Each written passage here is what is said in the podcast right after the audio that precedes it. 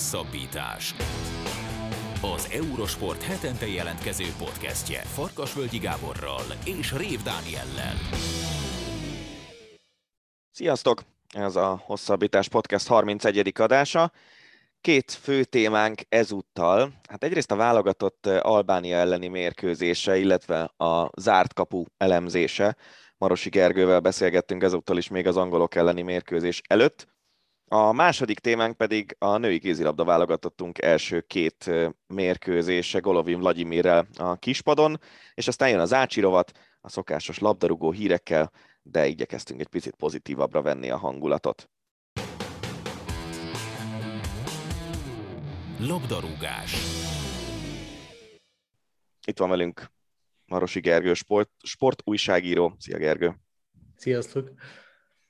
Hát elég szomorú tényleg azt hiszem, amit láthattunk a Puskás arénában az Albánia elleni világbajnoki selejtezőn. Egyrészt nyilván egy ilyen monstre stadion üresen szerintem borzalmas látvány, és egyébként majd kíváncsi leszek arra, hogy mit mondasz, hogy miért nem valamelyik kisebb budapesti, vagy akárhol megrendez, vagy akárhol lévő stadionban játszottuk ezt a meccset.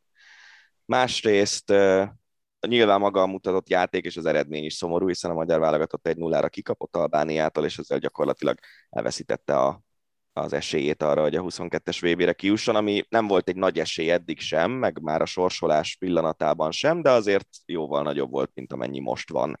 Kezdjük a stadion témával, ugye a FIFA legutóbbi angolok elleni mérkőzésen látott rasszista dolgok, illetve dobálások miatt egy mérkőzésre bezáratta a magyarok hazai stadionját. Miért a Puskás arénában játszott mégis a válogatott? Én szerintem azért, mert ehhez vannak hozzászokva a játékosok. Tehát ha már ugye, a, a, amióta üzemel a létesítmény, azóta minden hazai válogatott mérkőzés emlékeim szerint a Puskásban volt és akkor viszont már értelmetlen lenne átvinni másik, akár kisebb pályára, ha, hogyha ehhez szoktak hozzá. Tehát nyilván más vagy más, nem tudom, méret, akkor mennyire, mennyire standardek, vagy mennyire mozognak el, de azok azért olyan nagy különbségek nincsenek, de szerintem ez lehet leg, nyilván a legjobb infrastruktúrájú, legjobban felszerelt nemzeti stadion, hát nem hiszem, hogy ezt. Meg eleve ezeket szerintem le kell adni. Uh-huh. Tehát azért nem valószínű, hogy olyan könnyű lenne helyszínt változtatni, és ezek már jó előre egy... le Tehát az, az, az nincs beszámolva, hogyha be van tiltva, akkor nem tudom, megyünk az MTK pályára, mert ott kisebb a hely. Lehet, hogy velünk kapcsolatban ez most már benne lesz majd a következő szerződésben. Igen, de hát tényleg szomorú volt, ahogy mondtad is, és, és egyfelől érti valamennyire az ember, hogy a, most az átkapu az miért, de az átkapu az gyakorlatilag mindenkinek rossz. Tehát szerintem, ha valamiben közmegegyezés lehet a futballban, akkor az, hogy az átkapu az ilyen teljes halál hangulati szempontból, rossz a játékosnak, rossz mindenkinek, rossz annak, aki kint volt, de nem csinál semmit. Mindenki igen, olyan rossz a vendégeknek is, és nem tudom már hol Rossz a, ven- rossz a vendégszurkolóknak, igen, igen, tehát az albánok is ugye csak a küldöttségüket hozhatták, tehát nem arról van szó, hogy az albánok beküldhetnek nének mondjuk 2000 szurkolót. Így van. Én már nem is tudom, hogy melyik honlapon olvastam egy ilyen meccsbeszámolót a, arról, hogy a, az újságíró egészen a, tehát lefestette a napját, hogy elindult otthonról, és megérkezett a stadionba, és közben bement különböző vendéglátóipari egységekbe a, a stadion környékén. Kocsma. És, és, igen, igen. Vendéglátóipari kocsma. igen. És a kocsma tulajok is természetesen halál elkeseredve mesélték azt, hogy ez a betiltás ez nekik is borzasztó nehéz, mert hogy ez hatalmas bevétel kiesés. Szerintem nekik már... a legrosszabb. Kb. Így van. Így van, stadionnál is azt hiszem az egyetlen, ott, ott a, a biztonsági is azt mondta, hogy ez irgalmatlan meló szokott lenni általában egy ilyen válogatott meccs, vagy valami nemzet, valamilyen nemzeti, nemzetközi futballmérkőzés, egyetlen egy VIP szemét engedtek be, Csányi Sándor MLS elnököt, tehát, hogy szörnyű az egész, és nyilván ugyanúgy, ahogy Eri is mondja, hogy a, a vendégszur, vendégszurkolók, a vendégszurkolók nincsenek, a vendégcsapatnak is borzalmas. Ez mindenkinek rossz. És hogy, ne, hogy... Ne, nem tudom még, de egyáltalán én nem értem, hogy miért ragaszkodnak hozzá. De jó, ez ilyen, ez ilyen látványos gesztus ilyen szempontból, de most... Hát de most mivel tudod büntetni? Még, még háromszor annyi pénzzel?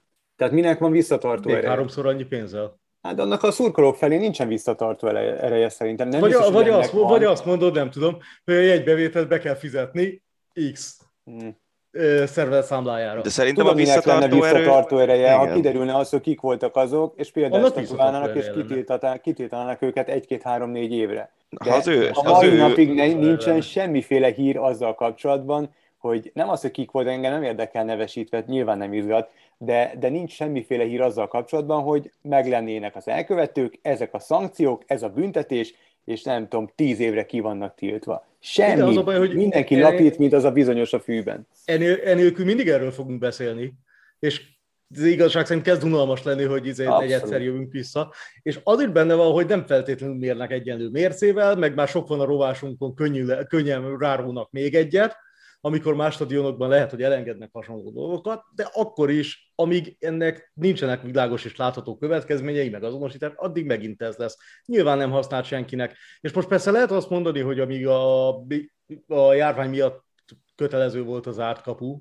nyilván az is borzalmasan hangulattalan volt, addig, addig egész jó eredményei voltak egyébként a válogatottnak, de ugyanakkor az azért egy más szituáció szerintem így mentálisan, hogy tudod, hogy nem az, hogy ki vannak tiltva a szurkolóid, hanem hát ide senki nem jöhet, hát most ez van, ideiglenesen eljátszunk így, és mindenki hozzászokott már a saját bajnokságában.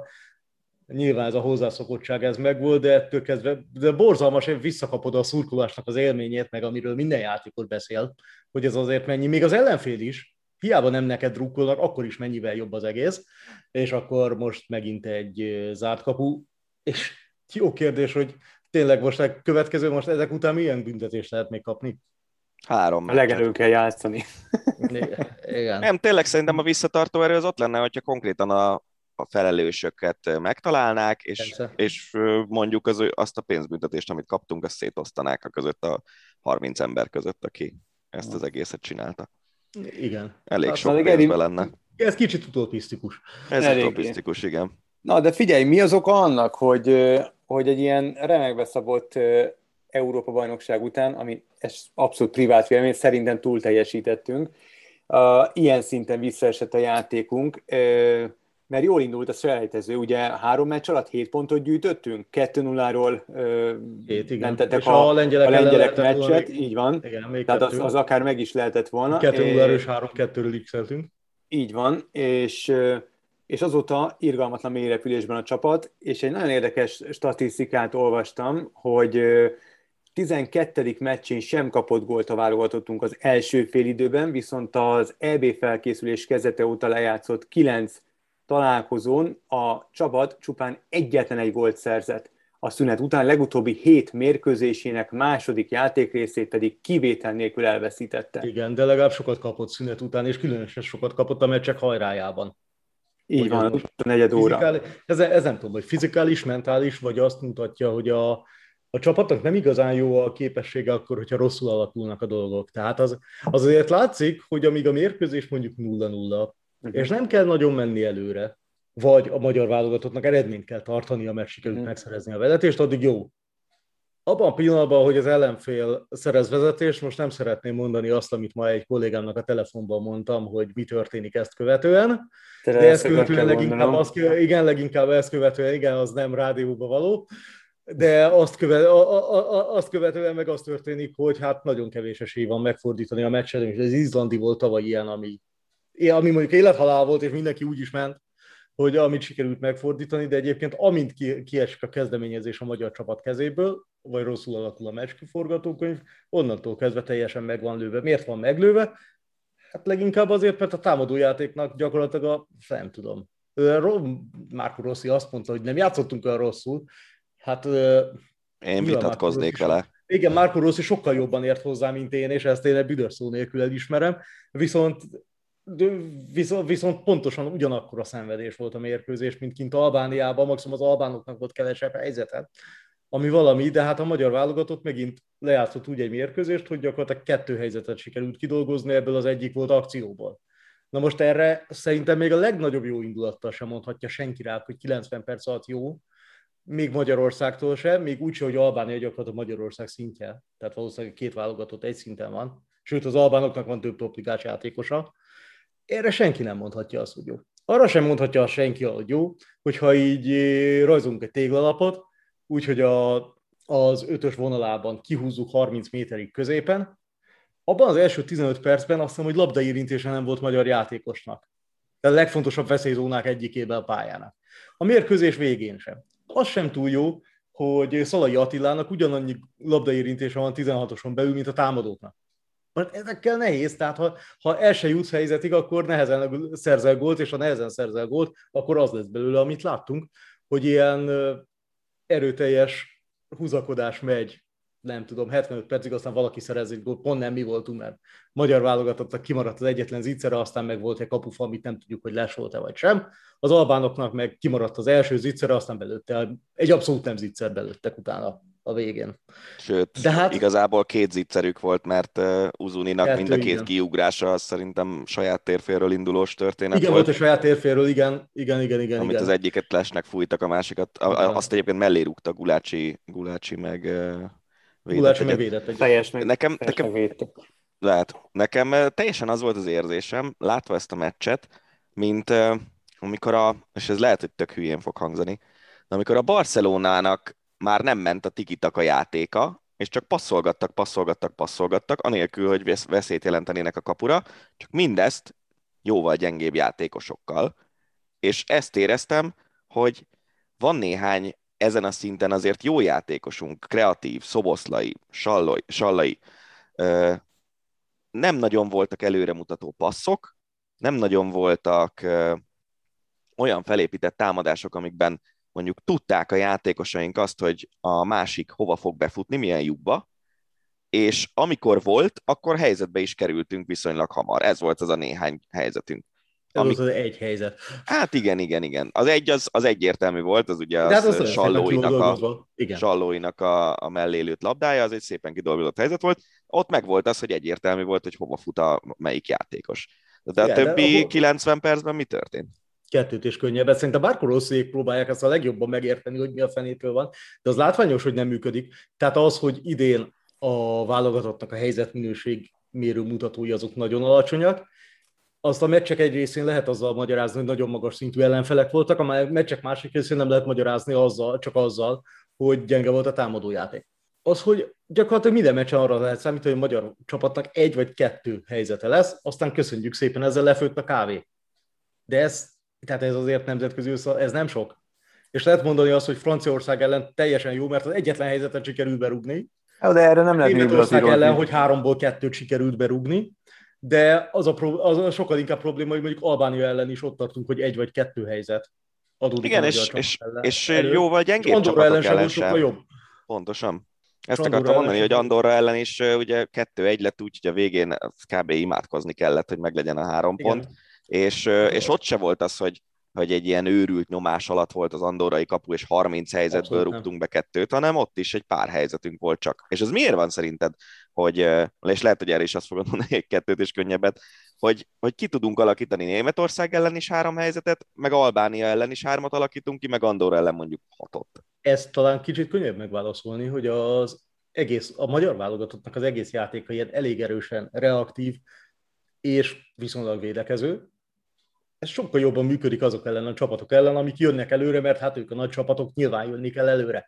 Most arra azért kíváncsi lennék, hogy mi történne, ha mondjuk egy francia, vagy egy német, vagy egy portugál válogatott úgy döntene, hogy hát a magyarok annyira így megnéztük őket videón, ezek, ezek a játékosok nem olyan igazából jó felállt védelmek ellen, szépen visszaállunk, és hagyjuk, hogy jöjjenek.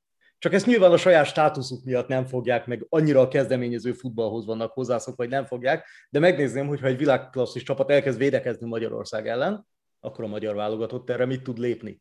Mert hogy Albánia ellen nem tud mit lépni erre. Tehát ez egy, ez egy probléma. Tehát egyszerűen szerintem jobban, fek, jobban feküdt az ellenfeles stílusa, jobban fel volt készítve a csapat mondjuk, viszonylag sok együttkészülés. Fel voltak nyilván nagyon dobva, hogy otthon nézők előtt ezek ilyen tök nagy pluszok és, és, és egyszerűen tényleg utólag már közben is bujkált a gondolat, csak akkor még persze nem merte kimondani az ember. Lehet, hogy a sorsolás az jót tett, hogy itt nem volt nyomás, olyan csapatok voltak, amik ellen pont jó volt a magyar válogatott játékstílusa. Ha játszanánk tíz meccset mondjuk olyan szintű csapatok ellen, mint Albánia, vagy kicsit erősebb, akkor abból lehet, hogy sokkal többet le tudnánk mérni abból, hogy tényleg hol vannak a problémák, mert hogy ez a kettő elég sokat, ö, sokra rávilágított. Marco Rossi nagyon jól megszervezett egy védekezés, hát meg, tényleg ez, hogy azért az, hogy 12 meccsen egy válogatott, sőt szerintem még átmegy egyel. Most már, mert a szerbek ellen, nem a szerbek ellen, ki ellen, törökök elleni, még az előző évből, még az is ide tartozik, nem kap gólt az első fél időben, az rendkívül jó, az azt mutatja, hogy a válogatott képes arra, hogy így szépen belevigye az ellenfelet. Egy olyat, hogy alig van helyzet, sokáig 0-0 a mérkőzés, vagy mondjuk megszerzi a magyar válogatott a vezetés, utána pedig több stabilan tartja. Eddig jó. Hogy a második fél időben mi történik, az megint egy óriási kérdés, hogy ez fáradtság fejben, fizikálisan nem lehet végigjátszani így egy mérkőzést, nincs NBA terv, nincsenek igazából gyors játékosok, vagy sok gyors játékos például nincs a válogatottban. És persze ott van az, hogy ami már többször előjött, hogy gyakorlatilag egy 33 éves center körül forog a magyar válogatott támadójátéka, mert hogyha nem tudjuk kihozni a labdát, mondjuk, akkor a b az, hogy még mindig föl lehet rúgni Szalai Ádámnak, aki 1 méter 90 és 90 kg, aki az 1 méter 90-es védők között fel fogja vállalni azt a rengeteg párharcot, megnyeri azokat a szabadrúgásokat, leveszi a nyomást, adott esetben irányítja a magyar letámadást, meg lehet találni, beadással minden, mindig ott van. Baromi mennyiséget dolgozik. Na most, ha nincs Szalai, akkor egyszerűen még semmi ötlet nem volt. Mit mond el az, hogy nincs Szalai Ádám? Marco Rossi elmondja, hogy nincs ilyen, nincs ilyen támadója még, tényleg nincs ilyen profil játékos válogatott szinten, és még a magyar NBA-ben is kevés, mit tudom én, Ádám Martin mondjuk, aki ez az, de Ádám Martin elég valószínűtlen, hogy meghívót kapjon a válogatottba. Hát meg kell várni, még német András egy picit meg, idő, idősebb lesz, meg rutinosabb, ugye az Igen, csak, es válogatottnak a fiatalja. Igen, csak hát az egy jó kérdés, hogy ő, hát, ő valóban ugyanazt tudja mondjuk játszani. Még az annyira az kellene, persze. tehát a, a, hol, hol vannak ennek a válogatottnak ilyen támadási pontjai? Van egy óriási darab centere, aki rengeteget dolgozik, és ez magával a méretével leköt egy csomó energiát az ellenfélnél, réseket nyit a, játék, a többi játékos előtt, meg mondjuk a két szélsővédő. Na most, ha, ha nincsen szalai, akkor én nekem az az érzésem, hogy sok ötlet nincs a pótlására sem. Uh-huh. És szerintem ezen a mérkőzésen is az látszott. Te ki volt benne centerben? A válogatott legjobb formában levő játékos a Salói. Aki hát viszont, fele akkor nem, aki viszont sok minden, csak nem center, és bent volt a darálóban az 1,90-es emberek között, majd bement utána a Sallai, akivel ugyanaz a probléma, hogy hiába topligás játékos, és nagyon jó játékos, egyszerűen radír, mert nincsen fizikai, ö, igazából fizikai erőt erre a presence szót használják. Az angolok, ugye nincs egyszerűen, és, és ha ez nincs, akkor az nagyon megkönnyíti az ellenfél dolgát, mert legalább ezzel nem kell törődni. De például szerkezetet nem lehetett volna váltani? Tehát másfajta szerkezetben pályára kicsit, vál, ki, ki, Kicsit váltott Rossi, de nem radikálisan, ugye azt csinálta, hogy kint a kint Sallai volt elő Szoboszlai mögötte, most meg azt csinálta, hogy Szoboszlai és Sallai elé még berakta Sallóit, de igazából ez még mindig nem oldja meg azt a problémát, hogy ez a három, vagy három belső védős, öt védős, nem tudom, hogy hogy nevezzük, valamelyik a kettőből, formációban kódolva van azért, hogy kellene ott valami pont elől, mert ha a szélsővédők nem tudják megbontani az ellenfelet, ez most megtörtént, gyakorlatilag se a jobb szélen semmi, balra teljesen el volt tolódva a támadójáték, mert Salui is arra mozgott ki. Valamilyen természetesen arra mentek ki a játékosok, akiknek nem az a posztja, a, amerre, a, amerre hozzászoktak mondjuk a klubjukban is, hogy onnan, onnan indul a veszélyesek. Tehát az látszott, hogy Salui balra kimozog, hogy onnan jöjjön, Salai is csinált ilyet, Szoboszlai is csinált ilyet, középen meg nem volt senki. Vagy viszonylag ritkán. Nem tudom, tehát lehetett volna, igen, szerintem lehetne, de hát nem én vagyok a kapitány, és a kapitány még sokkal jobban ért hozzá nálam. Hmm. De szerintem a válogatott az például adná magát, hogy egy olyan 4-2-3-1-et játszon jelen pillanatban, az adná magát, aminél van mondjuk két szélső, meg egy tízes, tehát mondjuk azt mondom, hogy Sallói, Sallói Sallai, vagy Sallói Sön, vagy Sallai Sön, valamelyik a három, a két szélen, középen Szoboszlai, elő bármelyik csatár, elő bármelyik csatár a képen be van hívva a keretbe, ezzel lehetne valamit kezdeni, lehet. Valószínűleg gyorsabb lenne, de az alapvető támadásépítési problémáinkat ez se oldaná meg, mert hogy ettől függetlenül hiába vált az formációt, még mindig az a helyzet, hogy elől egy méter, nem tudom, egy méter 76 az átlag magasság, vagy, hmm. és 70 kg az átlag testsúly, és egy méter 90 per 90-es emberek vannak. Hmm. És amíg ők védekeznek, addig meg terület nem lesz, hogy gyorsuljunk, meg trükközgessünk. Egyébként abból is kevés volt, tehát ilyen Csel egyéni például, amiben Sallai kiemelkedően jó, és Kleinhesre is nagyon jó tud lenni ebben, ezekből viszonylag kevés volt. Nem Meg nekem a, nekem a két úgymond védekezőbb középpályásnak a játékával volt elég sok bajom ezen a meccsen, őszintén szólva.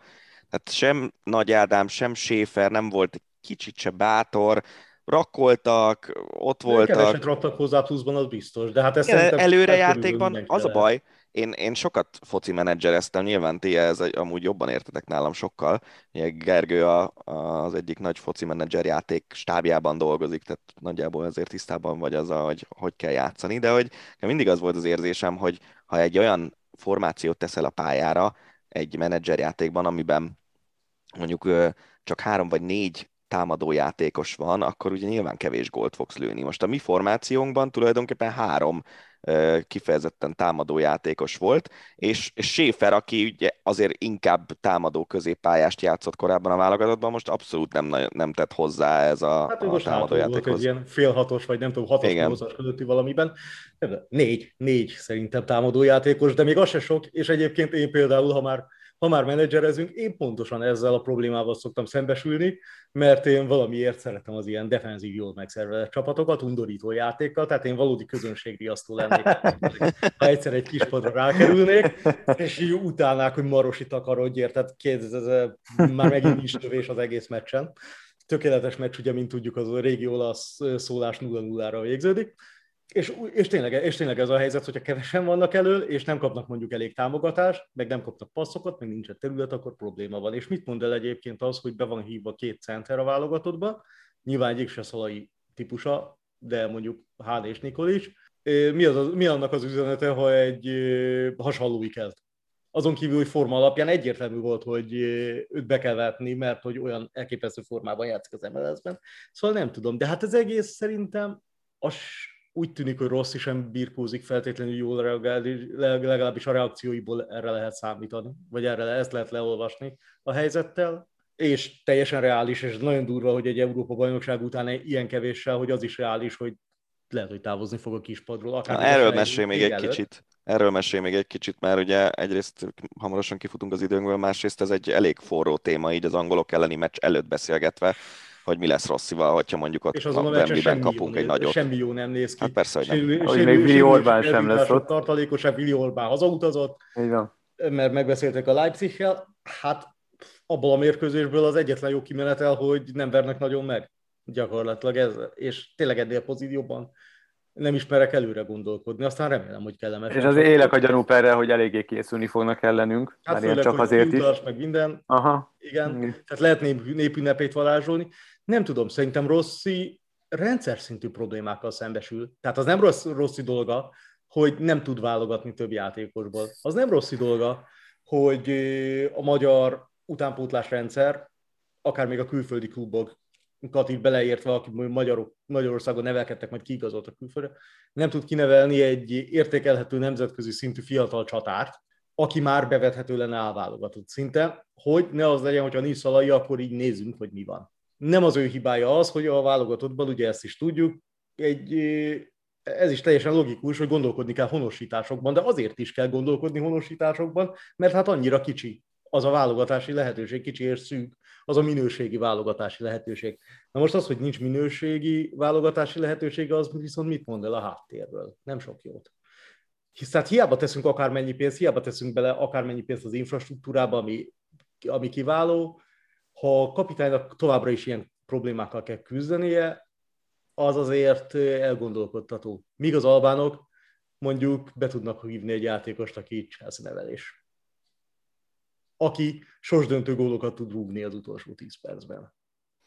Na hát most igen. ez, ez, azért, ez azért egy elég nagy különbség, és, és bármit csinál Rossi, a korlátait feszegeti a válogatottal, tehát valószínűleg ő kimaxolta ezt az Európa-bajnokságon, és kezdi ő, kezdi ő is érezni, hogy kimaxolta, és vagy teljes újratervezés, vagy ez nem vezet sehova, az viszont neki nem tesz jót, meg az edzői renoméjának sem. És szerintem ez a frusztráció azért érződik rajta.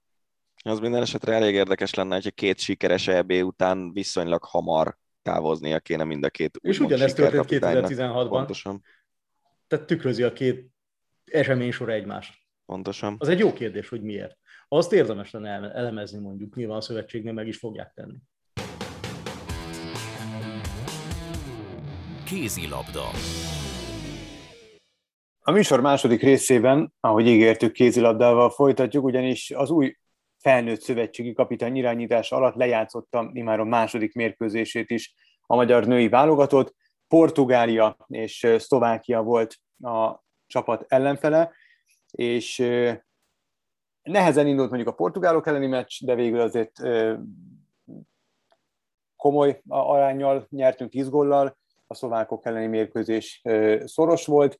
Igazából arról kérdezem majd Danit, állandó kézilabda szakértőnket, hogy, hogy te milyennek láttad az új kapitány alatt a válogatottat. Ugye a Golovan, Golovin Vladimir a szövetségi kapitány, aki az új csapatokkal nagyon komoly eredményeket ért el. Világbajnoki cím, EB arany, és azért a válogatottban igen nagy számban megtalálhatóak azok a játékosok, akik a keze alatt pallírozódtak.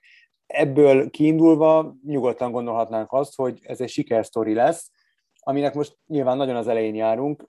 Hogy érzed az első két mérkőzés után, mit láttál? Örülsz annak, amit láttál, vagy azért vannak kétségeid? Szerintem egyrészt nehéz ezt, a, nehéz ezt az Európa bajnoki selejtező sorozatot igazán komolyan venni, szemben azzal, ami mondjuk a focistáknál van, ahol egy ebbés selejtező, az, az tényleg nagyon nehéz, és sokkal több a jó csapat, mint amennyi kijut valójában az Európa bajnokságra. Női kézilabdában az Európa bajnokságra nagyjából annyi csapat jut ki, amennyi jó európai csapat van. És éppen ezért a selejtező sorozatban a kiemelési rendszernek köszönhetően négyes csoportok vannak, az első két helyezett kijut, és általában minden csoport úgy van összerakva, hogy a, az első két helyezetet előre be tudod mondani, és mondjuk tízből kilencszer biztos, hogy ez el is lesz találva. Nyilván vannak meglepetések, most itt a, az első körökben például az előző ebben nagyon jól szereplő elődöntőbe jutó horvát válogatott kikapott otthon Ukrajnától, ami meglepetés volt, vagy legyőzte Izland Szerbiát, ami szintén meglepetés.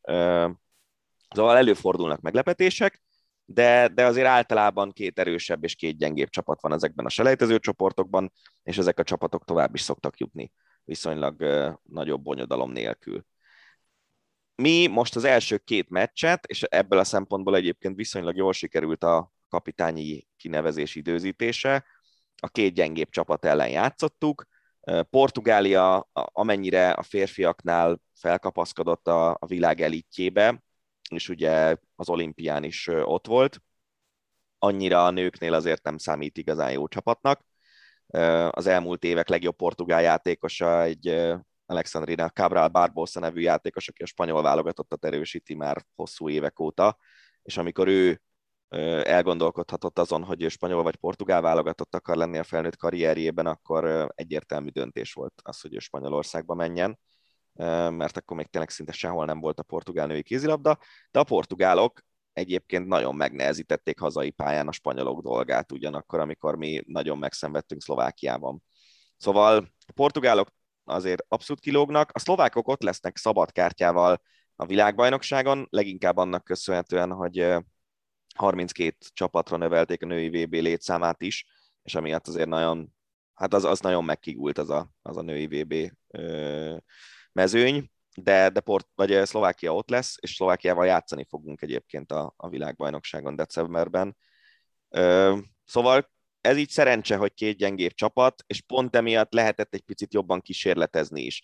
Az olimpiai keretekhez képest a rutinosabb játékosok maradtak ki, és azok a játékosok, akikkel egyébként Golovin Vladimir az utánpótlás válogatottakban rendszeresen jól szerepelt, ők alkották a mostani csapatok gerincét.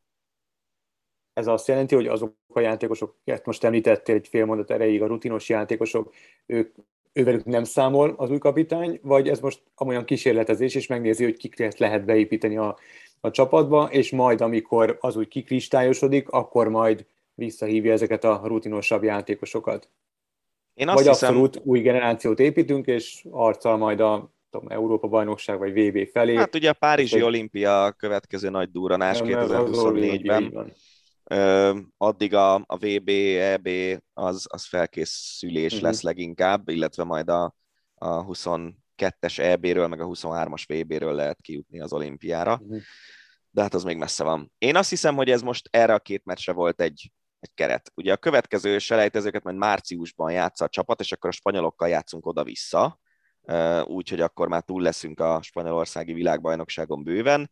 Az már lehet, hogy egy kicsit másmilyen keret lesz, és szerintem a világbajnoki keret is azért egy kicsit más lesz. Például, aki egyértelműen hiányzott, a Szőlősi Zácsik Szandra, ő pedig ugye Golovinnal még az előző szezonban is együtt dolgozott az MTK-nál, és ott olyan teljesítmény nyújtott, hogy elvitte a Ferencváros.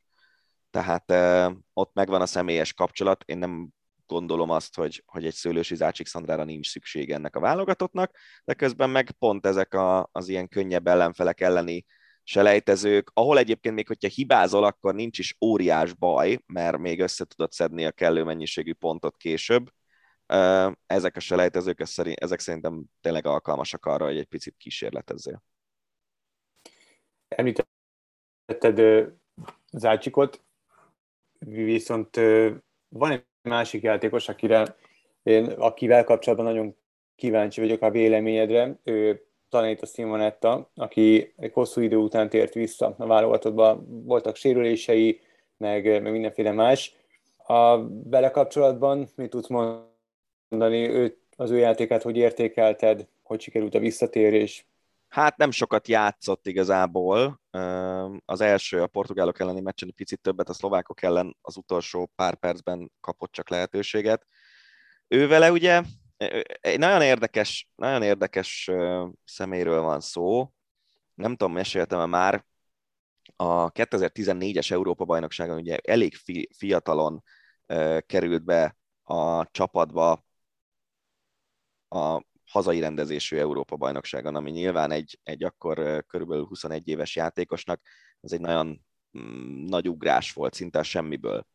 És, és nagyon jó dolgai voltak, de nagyon bátortalan volt. És emlékszem arra jelenetre, amikor az első meccs után, amit egyébként egy nyert helyzetből döntetlenre vesztettünk, úgymond, de hogy döntetlenre mentettek az oroszok az utolsó másfél percben, egy olyan helyzet után megjelent a, a mix zónában, ahol ugye a játékosok mind átmennek az öltöző felé, és ott a sajtó kérdezhet tőlük, és olyan arcot vágott, mint egy kislány, aki így megijed a tömegben. Csak éppen ez a kislány egyrészt 21 éves volt, másrészt 198 centi magas. És egy ilyen egészen szürreális pillanat volt, nem tudom őszintén szólva, nem beszéltem vele azóta erről, hogy hogy ő emlékszik erre a pillanatra, de szerintem az, az tényleg egy kicsit ilyen sok, sok terápia jellegű dolog mm. volt, hogy ott őt bevetették. Ugye iszonyú jó alkata van a kézilabdához, ilyen magassággal alig kell felugrania ahhoz, hogy át tudja lőni a falakat, mindig voltak önbizalom problémái, viszont amikor Kim Rasmussen betette őt a csapatba, azt hiszem az a, a 18-as Európa-bajnokság volt, hogyha nem mondok butaságot, akkor óriási, óriási jelenléte volt. Egyrészt a védekezésben az egyik hármas védő posztot nyugodtan oda lehetett neki adni, és, és nagyon jól megoldotta, másrészt támadásban is hozta azt a szintet, ami, ami nem volt egy szuper kiemelkedő szint, de egy jó védőjátékostól egy jó támadó szintet hozott.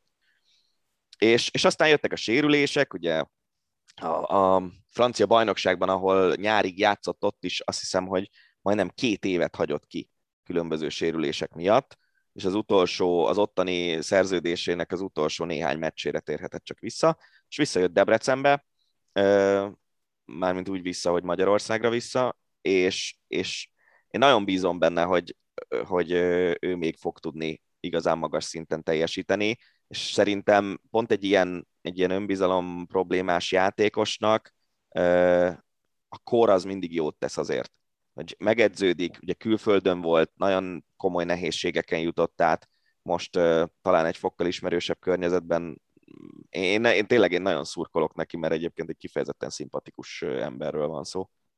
Meg ez egy tök jó pedagógiai húzás szerintem a kapitánytól, hogy egy olyan játékost, aki, aki fiatal, aki, aki ennek ellenére már, már komoly, komoly tornán is részt vett, ugyanakkor egy nagyon komoly hullámvölgyből próbál kilábalni, meghívott küld és, és jelzi, hogy figyel, figyel, figyelünk rád, tudjuk, hogy milyen formában vagy, tudjuk, hogy nem vagy még ott, de, de csak tud, hogy figyelünk rád. Szerintem ez, ennek igen, igen. üzenete van.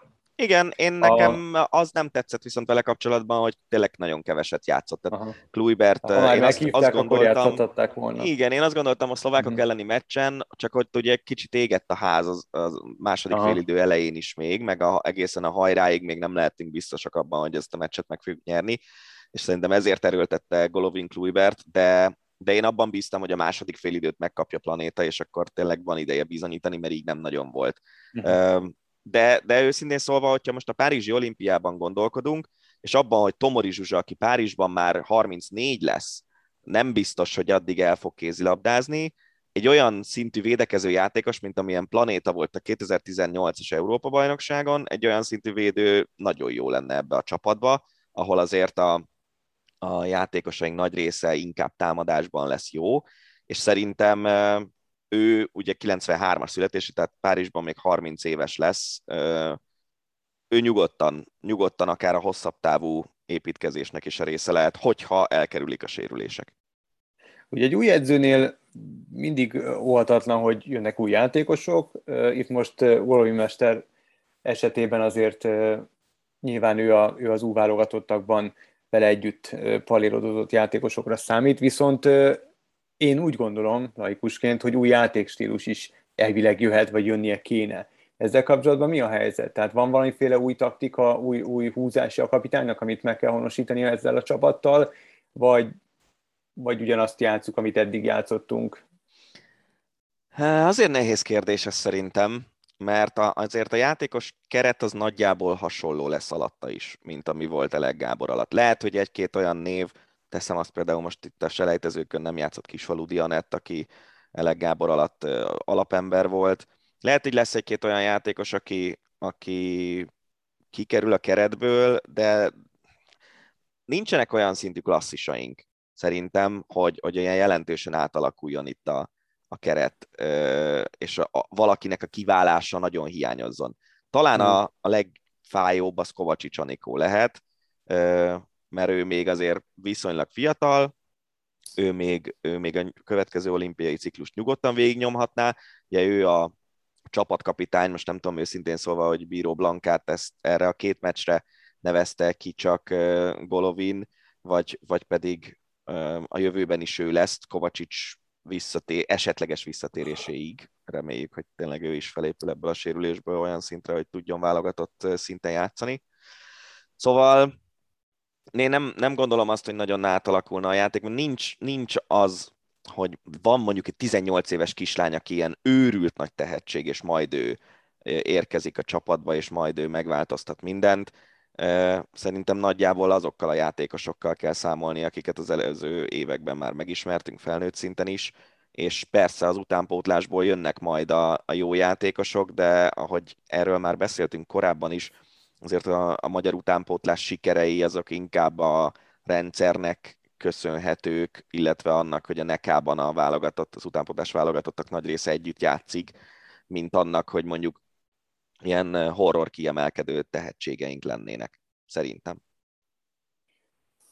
Mi a Mondtad, hogy, hogy igazából ez az EB selejtező, hát nem is vicc kategória, de hogy azért ez, ez nem, nem annyira komoly, legalábbis több mérkőzés, nem annyira komoly erőpróba. Mi az első olyan értékmérő, ami után azt lehet mondani, hogy egyrészt valami körvonalazódik, valamiféle benyomást lehet vonni, és úgy szakmailag is lehet értékelni a válogatottat. Az melyik mérkőzés lesz, és az mikor várható? Én azt hiszem, hogy a, a világbajnokság decemberben. Ö, egyrészt ugye két, kétféleképpen meg lehet közelíteni ezt a világbajnokságot. Az egyik megközelítés az az, hogy a Párizsi olimpiára csapatot építünk. Mi is, de egyébként mindenki más is, aki olimpiában gondolkodik, mert azért itt ugye egy 32-es mezőny lesz, és nem mindenki fog, sőt, azt mondom, hogy a többség nem olimpiában fog gondolkodni ezen a világbajnokságon. Szóval meg lehet innen is közelíteni, a másik része viszont az, hogy egy olyan ágra került a magyar válogatott, ahonnan azért elég jó eredményt el lehet érni. Gondolok itt arra, hogy akár éremért lehet játszani. És, és ha meg akarjuk ragadni ezt, az, ezt a lehetőséget, ugye nagy tornán érmet szerintem 12-es Európa bajnokságon szereztünk utoljára, és a 13-as világbajnokságon voltunk nagyon közel ahhoz, hogy bejussunk a négy közé, és aztán kaptunk ki sokszor emlegetett módon a braziloktól hosszabbításban, akik később megnyerték ezt a VB-t.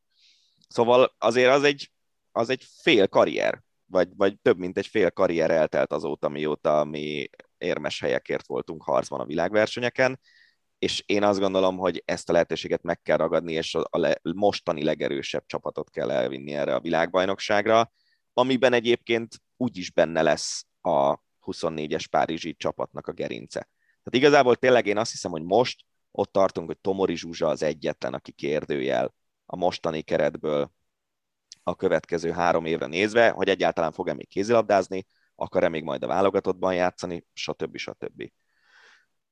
Úgyhogy ez a világbajnokság, ez mindenképpen. Ott a csoportban játszunk majd a szlovákokkal, a csehekkel és a németekkel. A németek nagyjából velünk hasonló szintű csapat, a csehek elvileg kicsit gyengébbek, a szlovákok valószínűleg azért jóval gyengébbek, még ha most meg is szorítottak minket. És, és hogyha ezt a csoportot meg tudnánk nyerni, akkor a dánokkal és a koreaiakkal játszhatnánk azért, hogy megnyerjük a középdöntő csoportunkat is, és onnantól kezdve pedig már jönnek a negyed döntők, és szóval ott, ott el lehet jutni a, a legjobb négyig, anélkül, hogy olyan igazán bődületesen erős csapatot meg kéne verni. Talán a házigazda spanyolok lehetnek a legerősebbek a legjobb négyig tartó úton. A sorsolásnak köszönhetően, ahol a felső ágra került Hollandia, Svédország, Norvégia, az orosz csapat és Franciaország, tehát azért egy jóval erősebb felső ág lett. Én biztos, hogyha én lennék a szövetségi kapitány, akkor rámennék erre a VB-re, mert a másik része a dolognak meg az, hogy azért a, a női vonal abszolút adósa a jó eredményekkel, mióta mondjuk a jelenlegi szövetségi vezetés van hatalmon, úgymond a kézilabdázásban, úgyhogy szerintem kell az eredmény nagyon.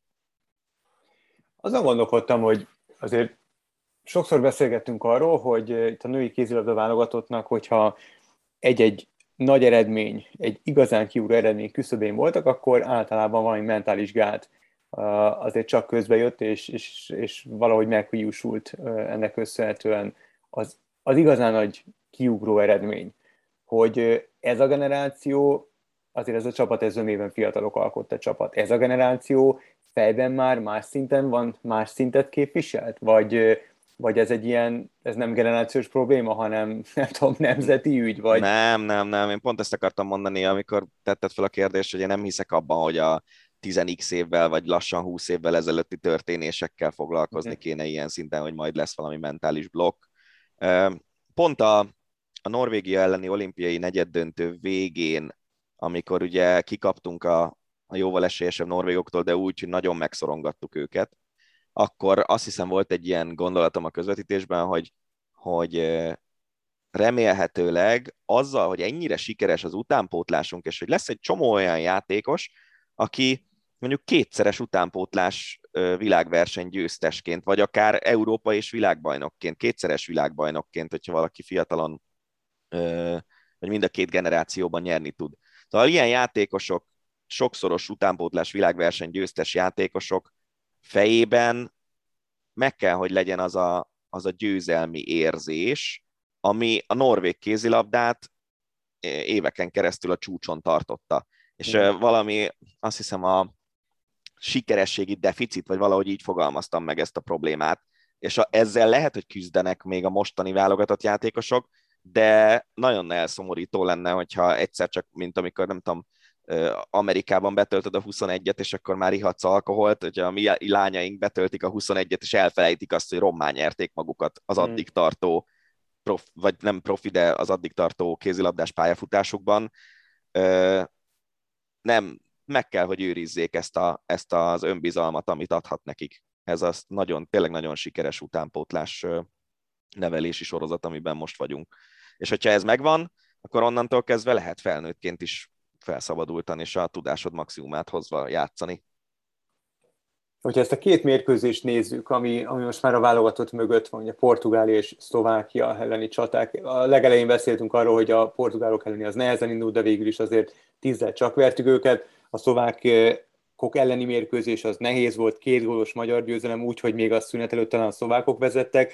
Hogyha ezt a két mérkőzést így megnézzük és összefoglalod, akkor, akkor milyen kép áll össze magadban, és milyen tanulságokat lehet levonni erről a két találkozóról?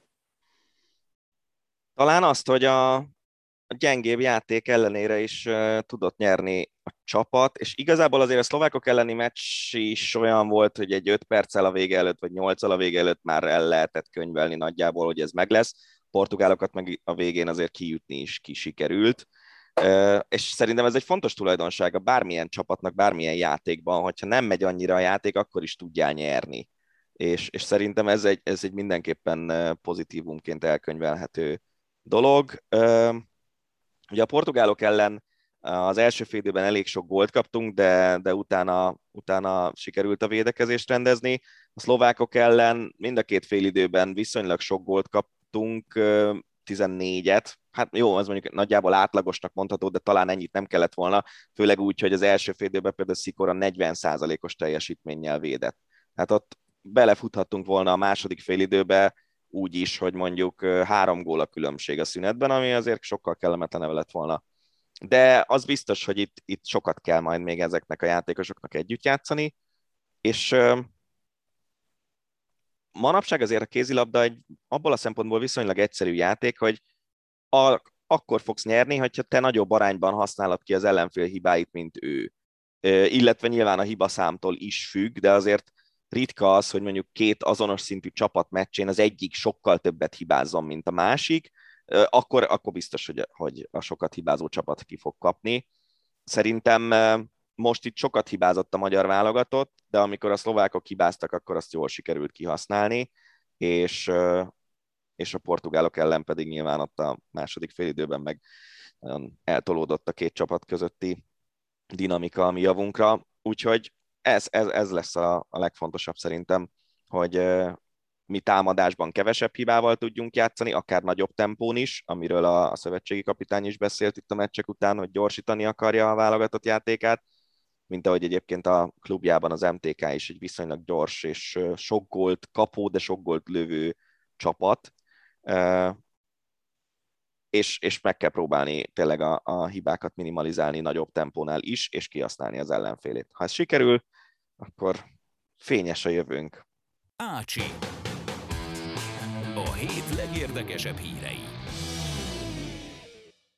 Sose gondoltam volna, hogy az Ácsi rovatot egyszer Várhidi Péterrel fogjuk kezdeni, de ez a pillanat is eljött. Egyben kicsit beárazza a többi hírt, hogy egy ilyen bekerülhetett a heti válogatásba.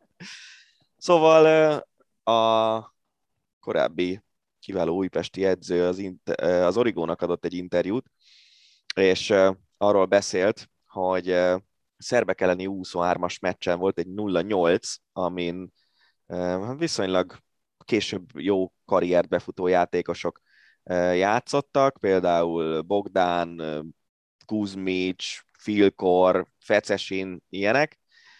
Vasádám, akit én nagyon szerettem egyébként. Én is. Nagyon sajnálom, hogy nem futotta be azt a, azt a pályafutást, amit befuthatott volna. Szóval állítólag el volt döntve, hogy őt kicsinálják, illetve azért sem foglalkoztatták utána más magyar csapatok, mert a sportévében keményen kritizálta a magyar csapatokat szakértőként. Érdekes amúgy ez az egész felvetés, érdekes maga az interjú is. Én megmondom őszintén azt az Újpestet, amit Váridi Péter vezetett, és ami a mai napig az utolsó bajnokságot megnyerte, mármint azóta, Újpest nem, azóta az Újpest nem nyert bajnoki címet. Én azt nagyon szerettem, az egy, az egy nagyon, nagyon jó csapat volt. Tök jó focit játszott. Az, hogy most azóta Váridi Pétert miért nem keresték, miért nem miért nem ö, találták meg különböző munkával. Ugye azt nyilatkozta az interjúban, elhangzott, hogy, hogy szakértőként nyilván, miután a munkáját végezte, nem csak jót, hanem olykor rosszat is el kellett mondania a magyar labdarúgó csapatokról, a magyar nb 1 kapcsolatban, és nagyon sokszor hívták fel tulajdonosok, hogy őt is, meg, meg üzengettek nekik a, a szerkesztőkön, akár kiken keresztül, ugye Nyilasi Tibor többek között még, aki ott volt, szegény Púj Sándor, stb. stb., hogy hát de mégis hogy képzelik ezt, meg azt, meg amazt, és például volt egy, az ki is emeli, volt egy eset, amikor a DVSC kispadjára kerestek szakembert, és Szima Gábor azt mondta, hogy hát ő, őt is, ő is benne volt a kalapba, de őt, őt nem ültetik le a DVSC kispadjára, mármint Várhidit. Én nem tudom, hogy ebben mi az igaz, mi nem. Azért azt az olasz válogatottat csak megverte a magyar válogatott, akkor is, hogyha az olasz válogatott nem feltétlenül a legnagyobb sztárok hajott, vagy mondjuk én úgy emlékszem, hogy azért ott voltak jócskán sztárok, de, de nem, nem csúcsformában érkeztek, azért egy mindenkori világbajnok ellen elég szép siker, hogyha, hogyha sikerül győzni de ugyanakkor az is beszédes, hogy azért nem ma volt, amikor valamelyik komoly kispadon helyet foglalhatott Várhidi Péter. Nem, és Várhidi most ebben a szezonban másodszor került be a hírekbe. Az első az volt, hogy valami bődületes hülyeséget, azt hiszem az Inzági testvéreket keverte össze a, az olasz, ö, olasz ö, szezon beharangozóban. Tehát, ah, na mindegy. Igen, igen, igen. igen. Szóval. Nem tudom, nekem kicsit mindig ezek a mindig az jut eszembe ezekről a sztorikról, amikor Urbán Flóriánnak azt hiszem, nem tudom, a könyve jelent meg, és akkor meséli azt, hogy a, nem, azt hiszem a Mátra borozóban, vagy hol iszogatott, és akkor mondta neki valami idősebb focista, hogy fiam, hogyha most hazamész és rápihensz az edzésekre, és ezért akkor pár éven belül annyi pénzt fogsz keresni, hogy, hogy néhány év alatt az egész életedre meggazdagszol, és, és ilyesmi, de hogyha itt iszogatsz, akkor, akkor el fogod szúrni a, a lehetőségeidet, és erre azt mondta Urbán, hogy te én most vagyok szomjas. Zseniális. És, és szerintem ez, ez, a, ez a mondat, ez, ez a magyar foci közeget szerintem a létező legjobban foglalja össze, hogy, hogy és nyilván most nem azt akarom mondani, hogy mindenki alkoholista, meg mindenki iszik, meg nyilván mindig minden közegben megvannak a kivételek, de számomra ez a mondat maga a magyar foci közeg összefoglalása, és, és mm. Várhidi-nál is azt érzem, hogy egy olyan edzőről van szó, aki érte el sikereket, de azért nem nagyokat, óriási bukásai is voltak, azóta szakértőként hát mondjuk leginkább felemásnak a teljesítményét, és, és ő, ő így visszafelé mutogat, hogy hát, hogy őt, őt kicsinálták, meg ilyesmi, nem is az ő hibája. Szóval nem, nekem ez hát igen, nem kicsit, szimpatikus. Igen, kicsit fura.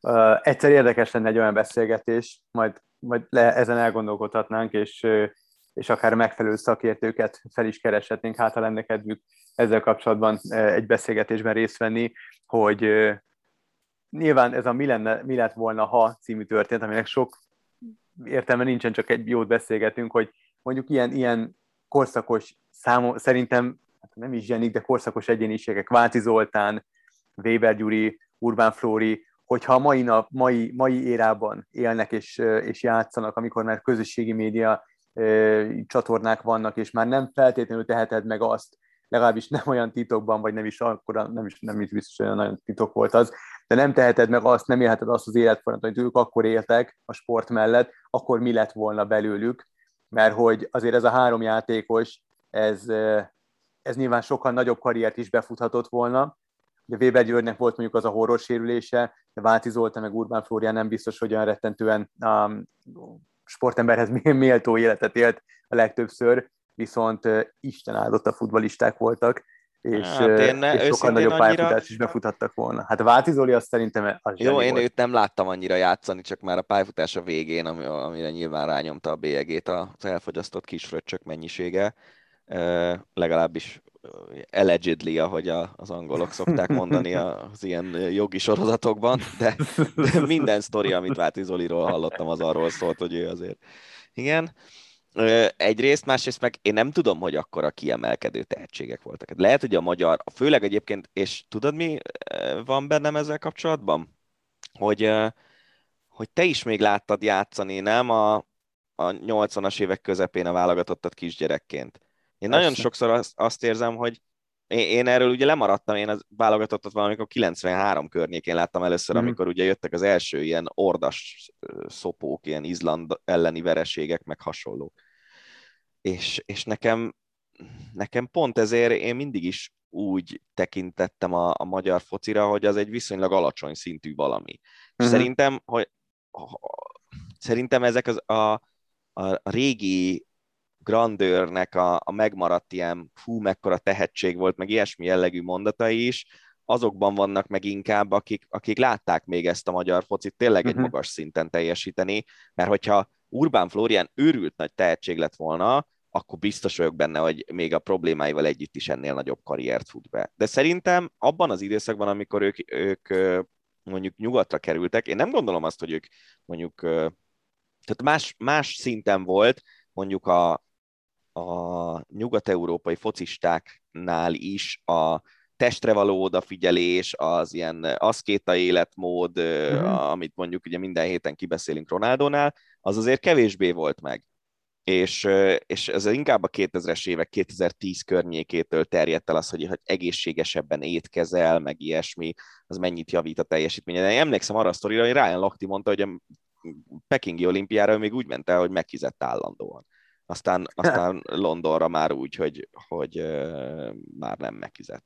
Szóval, hogy eh, lehet, hogy, lehet, hogy nagyon sok korabeli nyugat-európai focisztárról is kiderülne, hogy, hogy azért ők is iszogattak rendesen, meg, meg volt más is. Hát persze, főleg az angol válogatott játékosokról Na igen, és, és ö, na, nézd meg kapcsolatban. nézd meg Gascoigne.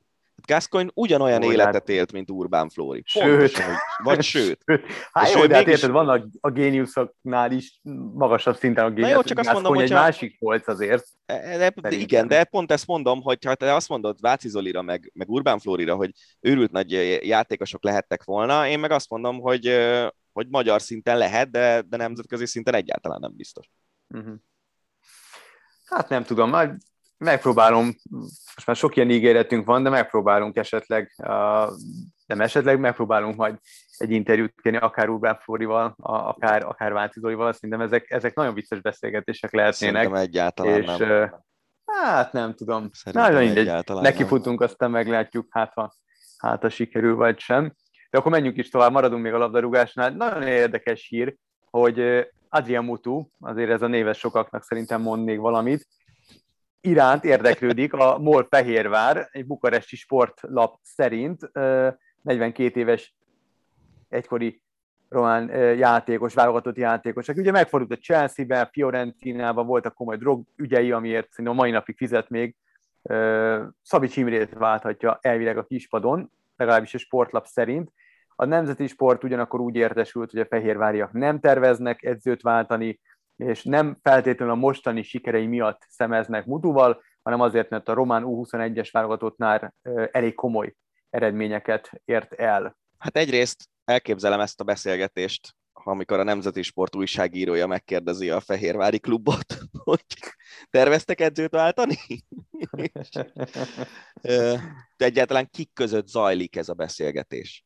Na mindegy, ez az egyik vicces része ennek a sztorinak. A másik az, hogy nem, nem, nem, tehát, hogy ezeket a sportkacsákat, ezeket, ezeket szerintem tényleg akkor vegyük komolyan, hogyha már mondjuk látták Mutut Budapesten, vagy, vagy Fehérváron. igazából, ami engem ö, érdekelne, hogy miért nem sikerül a Fehérvárnak az, ami sikerül a Fradinak. Hogy azért ez a két csapat nagyon más polcon van anyagi juttatások, bevételek és kiadások terén is, mint az összes többi. De szerintem a magyar Fradi- NB1-ben. Szerintem a Fradi Oké. még egy pár szinttel a Rendben, fölött. de egy szintről indultak, csak a Fradi jobban csinálta a dolgokat, bejutott, az el, bejutott a BL csoportkörbe, EL csoportkörbe, nyilván jöttek a pénzek, a Fehérvár pedig éppen ennek köszönhetően egy picit lemaradt, mert, mert elmaradt ebben a versenyben. Én az okokat keresném, és arra lennék kíváncsi, hogy miért, mert szinte ugyanonnan indultak, ugyanolyan, szint, ugyanolyan komolyan kitönve mindkét klub, és a Fradi az, hát ha nem is teljesen, de lassacskán önállátó lehet, és nem biztos, hogy szüksége lesz, nyilván mindig jókor jön, jól jön, de nem biztos, hogy rá lesz szorulva a komoly állami ö, pénzekre, Ö, és szemmel látható sikereket ér el, nemzetközi sikereket. A Fehérvár pedig stagnál, és abszolút nem, tart, nem tudja tartani a lépést a Fradival, sőt, úgyhogy ez, ez szerintem ami érdekesebb annál, hogy most Mutut megkeresték, vagy sem, de hát erre nyilván nem fogjuk megkapni a választ. Um, ja, én azt hiszem, hogy egyébként a magyar csapatoknál a, a legfontosabb szereplők azok, akik ezeket a azokat a szintű játékosokat meg tudják találni, akik mondjuk még nem akkora sztárok, hogy nagyobb csapatok Mhm. uh-huh. figyeljék őket, vagy nem akkora ilyen kiugró tehetségek, de azért elég jó játékosok ahhoz, hogy a csapat céljait el tudják érni, és lehet, hogy ebben a, a scoutolásban jobb a Fradi, mint a Fehér már, uh-huh. ezt, ezt nem tudom, de, de hát azért, hogyha akiket a Fradi igazol, azok olyan játékosok általában azért, akik, akik nincsenek, tehát azért ismerjük meg őket, mert a Fradiba igazolnak. Most mit tudom én, végigmondhatnám a Fradi teljes kezdőjét, szerintem senkit hát, nem ismerünk a Fradi De például Besics, akit ugye eladtak az Evertonnak. Na jó, de amikor Besics először idejött, azt se tudtuk ki. Na ezt mondom. Na, nem, ezt na, mondom. igen. Abszolút, abszolút, hogy ez a scout rendszer ez nagyon működik, és komoly bevételekre tehet szert a Fradi ennek köszönhetően, aztán nyilván visszaigazolják Besicset ingyen, win-win. Hát majd meglátjuk, mekkora win-win Igen, lesz. Le, jó lenne már egy win-win a Európa Liga csoportkörben is, ha összejön. Na ja, na ja. Koman Vladimir, ő is egy olyan játékos, aki ez a lehetett volna, ha Igen. Indiába igazol. A hírt azért tartottuk érdekesnek, hogy a pályaív miatt, hogy milyen pályaívet írt le Koman Vladimir, aki ugyanúgy korszakos egyéniségnek tartottak, hatalmas tehetségnek, tagja volt az U23-as világbajnoki bronzérmes csapatnak, és haladásban kezdett, aztán Olaszországba került, hogy a Szamdóriában játszott, de ott kölcsönadták, Avelino, meg a Bari játékosa is volt, aztán a Monakóba is szerepel, de akkor mondjuk második ligás volt a Monaco, és onnan kezdődött egy ilyen keleti kaland, Krasnodar, Urál, aztán Adanaspor, majd pedig Szefán és a Hata, arab emírségebeli az utóbbi csapat. Most Azt pedig, mindenki tudja, aki kerékpárversenyeket néz, mert a Hata gát az minden évben befutó az UAE körversenyen. Most pedig India. Úgyhogy... Hát ez is egy olyan karrier, csak 32 ami... éves, azt hiszem. Igen, ők nem olyan idősek még. Az a kemény, hogy a 2009-es VB bronzérmes csapat tagjai ugye még nem olyan nagyon idősek. Milyen fura, uh, hogy olyan, olyan komoly karriert a Gulácsi Péteren kívül nem nagyon futott igen, senki. Igen, sajnos. Német Krisztián helyel közel, de benne jóval több volt szerintem, szerintem mint is. az MLS. Szerintem is. Vagy most a Debrecen. Hát meg ugye az a kemény, hogy ezek a játékosok 20 évesen tényleg top, top csapatokban vagy top csapatok utánpótlásában szerepeltek, uh-huh. és, és aztán Igen. igazából tényleg Gulácsi az, aki, bár múltkor beszéltük, hogy a Lipcse az vajon mennyire top csapat, de mondjuk a, talán a 20 vagy 30 legjobb csapatban biztos ott van a világon a Lipcse, és, és, és ő, Gulácsi az egyetlen, aki ott tudott ragadni ilyen szinten. Így van, így van, így van. Csak hogy húzzam a drága Dani, illetve volt kollégánk, jó barátunk, Vásárei Tamás át, így újabb Cristiano Ronaldo hír. 181. alkalommal szerepelt a portugál válogatottban, európai csúcstartó lett, Sergio Ramos-tól vett el az első helyet Ronaldo. Igazából akármennyire tikiztek folyamatosan, e- egyszerűen ezeket, én úgy gondolom, hogy ezek fontos, ezek nagyon komoly, komoly dolgok, nagyon komoly eredmények, hogy valaki 181 alkalommal tudja képviselni a hazai válogatottjában az országa e, színeit, úgy, hogy nem egy dél-kelet-ázsiai válogatottnak a tagja, akik két naponta játszanak uli meccseket, hanem, hanem egy portugál labdarúgó válogatottnak, vagy teszem azt Ramos esetében a spanyol labdarúgó válogatottnak a tagja, úgyhogy ez csak ilyen lábjegyzetként. Lehet, hogy az Igen. jutott eszembe, hogy ugye CR7 a brand, és lehet, hogy az egész brandépítésnek az volt a lényege, hogy tudta, hogy minden héten lesz CR-ről szó a lehet. hosszabbítás podcastben. Így van, így van, jól csengő hosszabbítás podcastben. de egyébként a 181 válogatottság, ez de, de, de, na, az egész azért vicces, mert én, én mindig elismerem Ronaldónak a nagyságát, csak nem szeretem. Tehát, hogy ennyi. Én se szerettem korábban, megmondom őszintén, mostában lopta bele, be magát a, a szívembe. Viszont ami szerintem a hét legkomolyabb híre, az az, hogy egy szaudi konzorcium megvásárolta a Newcastle labdarúgó csapatát. A konzorcium vagyona több mint 300 milliárd font, csak összehasonlításként Mansur Sheikh, ugye a Manchester City tulajdonosának a vagyona 23 milliárd. Tehát Jó, több mint tízszerese, oké, okay, hogy ezek többen vannak, stb. Nem, nem, de... nem, csak nem, nem, a kettőben az a nagy különbség, hogy az egyik az ugye maga a, az emirátusok egyik vezetője az ember, uh-huh. Mansur Sheikh, a másik oldalon viszont ez a szaudi államnak egy ilyen befektetési alapja lényegében, ami bevásárolja magát a Newcastle-be. Nyilván most, hogyha teljes emirátusok vagyonát néznénk, akkor körülbelül hasonló, nem, nem tudom őszintén szóval, hogy az UAE és a Szaud-Arábia egymáshoz képest hol áll ilyen szempontból, de lényegében uh-huh. mindegy is. Abszolút. De az viszont, hogy beszáll még egy közel-keleti szereplő a Premier League-be, az ugye szinte biztosan azt fogja jelenteni, hogy, hogy nagyon komoly szintemelkedés várható, meg, meg komoly játékosok érkezése várható Newcastle-ben. Azt olvastam, hogy Antonio Contét nézték ki menedzsernek, és ú, valami nagy nevű, nagy nevű sportigazgató lenne még a csapatban, de arra már emlékszem, hogy az ki. Ha lenne vér a pucajukba, akkor Uli ezt megszerzik, mert akkor biztos, hogy a pénz is megmarad. Nem dobálják el. Uli zsebében. Kell, kellő szigor is. Hát igen, figyelj. Meg, meg a, valamit, a, az adóhatóságnál is lehet, hogy olcsóbban megúszszák a dolgokat. Uli mindig elviszi a balhét. A klubot sosem büntetik. Nem, egyébként az jutott eszembe, hogy milyen jó lenne egy Ellen Shearer mondjuk, hogyha oda vinnék sportigazgatónak uh-huh. egy klublegendát. Igen. Az Igen. a vicces, hogy ugye évekig a Newcastle Brown Ale nevű sör volt a messzponzora a Newcastle-nek, emlékszel? Igen, csillagos, igen, csillagos igen, sör. Igen, igen. Az az, az az a sör, amit, amit egy London, korábban Londonban élt barátom teljesen hüledezve hallotta tőlem, hogy ittam Londonban egy sört, azt hiszem, hogy kettő vagy, vagy két fontért, vagy három fontért, de hogy a uh-huh. londoni, londoni sörök azok inkább négy-öt font körül vannak szinte uh-huh. minden kocsmában. És egy olyat itt, amilyen csak viccből olcsón, és az, az nem egy túl jó sör, de meg amúgy egyáltalán Newcastle azért nem az a hely, amit így az ilyen leginkább az emberek oda szeretnének költözni hely. És hmm. vicces lesz majd, amikor Neymar a Newcastle-ben fog játszani, vagy nem tudom. Hát azért ezt megnézem. Hát, de... Tudja. Mindegy, Lehet. hogyha, hogyha Neymar nem is, de hasonló sztárocskák, és, és nagyon, nagyon vicces ez az egész, hogy, hogy tényleg egyébként a Man City se volt soha egy ilyen vonzó klub igazából, de aztán a pénz azzá tette, most a newcastle is ez fog történni, aztán majd kicsit, kicsit olyan az egész, mint, mint, mint egy ilyen nagy pénzmosási, vagy igazából nem is pénzmosási feltétlenül, hanem ilyen kétes eredetű emberek gyülekező helyévé vált a Premier League, és akkor talán így Igen, értető. igen, finoman fogalmaztál. Igen, ebből a szempontból nekem sokkal szimpatikusabb a, a Bundesliga. Ott, ott ez, ez nem, nem megengedett, és nem biztos, hogy az baj, hogy nem megengedett. A, a Premier League Premier League klubok amúgy az üzlet nyilvbeütését követően válságértekezletet tartottak, gondolom mindenki összeszarta magát, hogy most mi történik. Én nagyon kíváncsi vagyok arra, hogy... top 7 lesz.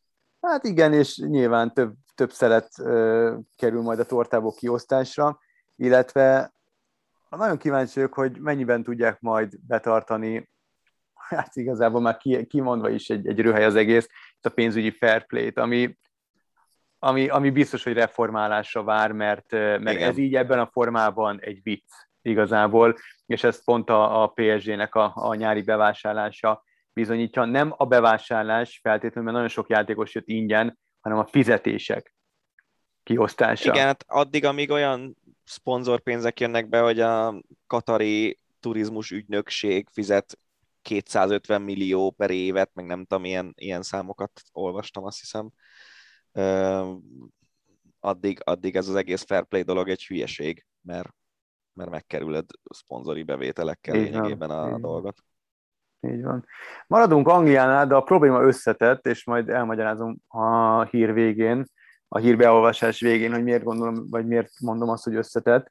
Szóval Gareth Southgate, az angol labdarúgó válogatott szövetségi kapitánya szerint néhány játékos azért nem oltatja be magát koronavírus ellen, mert fogékonyak a vakcinákról szóló összeesküvés elméletekre. A, arról számoltak be brit lapok, hogy a 20 csapatos Premier League-ben mindössze 7 együttes van, amelynél az oltottsági arány meghaladja az 50 ot Jól mutatja, hogy mennyire kaotikus a helyzet, hogy Southgate is azt nyilatkozta az Andor elleni vb selejtező előtt, hogy nem tudja csapatából pontosan hányan vannak beoltva. És hogy Miért összetett a probléma? Mert az NBA-ben is ugyanezzel a problémával küzdenek több csapatnál, például a Brooklyn Netsnél Kyrie Irving, a földlapos Kyrie Irving, nem hajlandó elárulni, hogy most éppen az oltottság az milyen státuszban van, nem oltotta be magát, ezért a csapat idegenbeli mérkőzésein nem vehet, nem, hazai mérkőzésein nem vehet részt, és a Golden State játékosa Andrew Wiggins is, Andrew azt hiszem, de lehet, hogy nem Andrew Wiggins, mindegy. De, Andrew, Andrew Wiggins, igen, igen, igen. Um, ő sem, ő vallási okokra való hivatkozással nem oltotta be magát, de én úgy tudom, hogy végül ő kötélnek át és beoltotta magát, de hát, hogy Irvinggel kapcsolatban vannak ezek a, ezek a hírek, hogy már pedig ő hajtatatlan, és nem fogja beoltani magát, beoltatni magát, így viszont nem szerepelt a csapat a idegenbeli mérkőzésén, ezért nyilván a Philadelphia, Philadelphia, ezért a Brooklyn nyilván nem szeretné majd a teljes fizetését odadni, a játékos szakszervezet viszont ezzel nem ért egyet. Baszki! Olyan mondom. Ne, szerintem tényleg ez egy, ez egy elég furcsa helyzet, hogy, hogy, hogy van egy tudományos kvázi konszenzus, vagy ilyen, nem tudom, 98%-os konszenzus, és, uh-huh. és hogy az internet világa az ahelyett, hogy, hogy pont, hogy okosabbá tette volna az emberiséget, ahelyett a két százalékot fölerősítette annyira, hogy egy ilyen 50-50 kérdésé tett tudományosan eldöntött tényeket. És egyébként a koronavírus kapcsán szerintem a legérdekesebb része a dolognak, és a, a, azért gondolom azt, hogy nagyon sokan még mindig tiltakoznak az oltások ellen is, mondván, hogy majd mit csinál, meg nem tudom, hogy volt egy olyan néhány hónapos időszak, amikor tényleg szinte naponta változott az, hogy most mit mondanak a tudósok a vírusról. Ugye először az volt, nem kell maszk, aztán kell maszk, most azt mondják, hogy, hogy például a az ilyen felületi fertőződésnek az esélye az nagyon alacsony, tehát a kézmosás nem kell kvázi, hanem inkább csak a maszkéne. Meg ugye arról is szó volt, hogy, hogy ha nagyon sokan belesznek oltva, akkor azért ilyen súlyosabb tünetekre nagyon kicsi esély van, de, de most már egész sok környezetemben lévő embert ismerek, aki, aki eléggé megszenvedte most a, a COVID betegséget úgyhogy akár már három oltáson is túl vannak. Hmm. Szóval, szóval e, ez a része a dolognak, ezt én értem, de ha van egy tudományos konszenzus arra vonatkozóan, hogy ez, ez biztosan nem árt neked, és jó eséllyel használ, akkor nem tudom, hogy miért kell ellene tiltakozni. Én sem. Tényleg, nem, nem tudom, de ez, ez az Irvinggel kapcsolatos hír, ez nem teljesen kiverte a biztosítékot, egészen döbbenet. Tehát ez olyan, hogy érted, Um, te azt mondod, hogy te csak a túrt vagy hajlandó leközvetíteni, a Girot nem annyira, ellenben azt, azt, azt a sérelmezett, hogy nem kapott meg a pénzt. Tehát, hogy Irving, illetve a játékos szakszervezet mi a túrot gondol? Tehát, hogy van egy fizetésed, de a mérkőzések felé nem lépsz pályára. De azért nem léphetsz pályára. Szerintem a hazai nem léphet pályára, nem? Mert New igen, Yorkban igen, van igen, olyan... New York, igen, igen, igen, meg ugyanez van azt hiszem San Francisco-ban, meg nyilván igazából én el tudom azt is képzelni, hogy egy csomó más város szépen lassan majd hoz egy ilyen döntést, hogy az ide látogató csapatok, sportolói, ha nincsenek belé, beoltva, nem léphetnek fel. De nem, nem, tehát hogy mondjam, az idegenbeli mérkőzéseken is olyan szinten ö, va, komoly a szabályozás, szigorú a szabályozás, hogy nem tartózkodhat egy helyen a csapattársaival, nem mehet velük sehova, tehát szállodán kívüli tevékenységet nem folytathat, nem mehet, nem mehet el étterembe, most ezt egy kosárlabdajátékosnak... Lássuk be, hogy stripbárról van, van. szó. Így van, tehát, és Irving ezt már korábban megszegte, az, amikor ilyen nagyon komoly szigor volt, mert elment egy, egy ilyen házi buliba. Szóval, tehát nagyon komoly szigor van, nagyon komoly a szabályok vannak, és és persze gondolom, hogy arra akarták kitérni, hogy a, a játékos szakszervezet azt mondja, hogy önhibáján kívül nem lépett pályára. Igen, tehát, tehát ezért... Most te ennyi erővel hozhatnának, tehát amíg valami nem kötelező, addig nem vagy köteles megtenni. Szerintem uh, ne, nyilván ez egy nehéz kérdés, de de hogy azért az emberi szabadságjogoknak is van egy olyan szintje, amiben nem kell feltétlenül belezekázolni, és én alapvetően amellett vagyok azzal együtt, hogy nem értem azokat, akik nem oltatják be magukat. Szóval nem, nem gondolom jó ötletnek, hogy tegyük kötelezővé valamit, amit e, főleg Amerikában nem akarnak. gondolhatod. A, igen, az, az a természetes kiválasztódás, hogyha azok az emberek koronavírusban meghalnak, akik, akik nagyon tiltakoznak ellene, szerintem a konkrét ügyben meg tényleg ugye itt az van, hogy egy kívülálló hatóság hozott egy olyan szabály, ez olyan, mint hogyha mondjuk vízum problémáid vannak. Afrikai uh-huh. játékosoknál, meg kerékpárosoknál csomószor előfordul, hogy, hogy vannak olyan, mint brit körre nem tudnak elmenni az afrikai ö, versenyzők, mert, mert nem engedik be őket az országba. És, és hogy ez is kicsit egy ilyen helyzet, és ezért meg megvonni valakitől a fizetését, hogy tőle kívülálló hatóságok olyan szabályokat hoztak. Itt inkább az az érdekes, hogy mennyi jegybevétel mínusza lesz a Brooklyn Netsnek, amiatt, hogy a Irvinget nem látják játszani a nézők. Hát meg szerintem itt igazából a csapat kohézióra is hatása lesz, mert megint van valaki, aki egyenlőbb, a, vagy elsőbb az egyenlők között, és ez, ez soha nem jó szerintem egy öltözőben. Úgyhogy nem, nem, nem, nagyon kíváncsi vagyok, jó. hogy ennek, ennek mi lesz a, a Meg ugye tudod, a másik, a másik oldala, ami, ami egy nagy kedvenc mondásom az NFL-ből, hogy, hogy a kezdő irányítód lényegében bármit megcsinálhat, de az 50. játékos a keretben az nem. És hogy Irving Igen. megcsinálhatja ezt, de mondjuk a, a 13. kerettag, aki, aki keres 1,2 millió dollárt egy évben, ő biztos, hogy be fogja magát oltatni.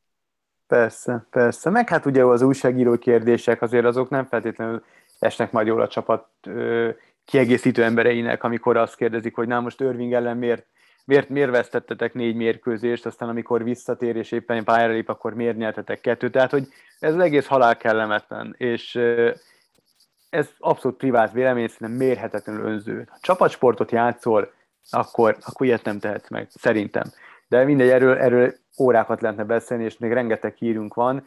Például a Barcelonával, Barcelonával kapcsolatban, és esküszöm nem azért, hogy idegesítselek, csak számomra megdöbbented, hogy ilyen, ilyen szintig hogy mehet el egy felelős klubvezetés. Tehát fél milliárd, fél milliárd eurós nagyságrendű veszteséget könyvelt el az elmúlt idényben a Barcelona, sőt 115 millió eurót még mindig nem fizetett ki különböző transferekért.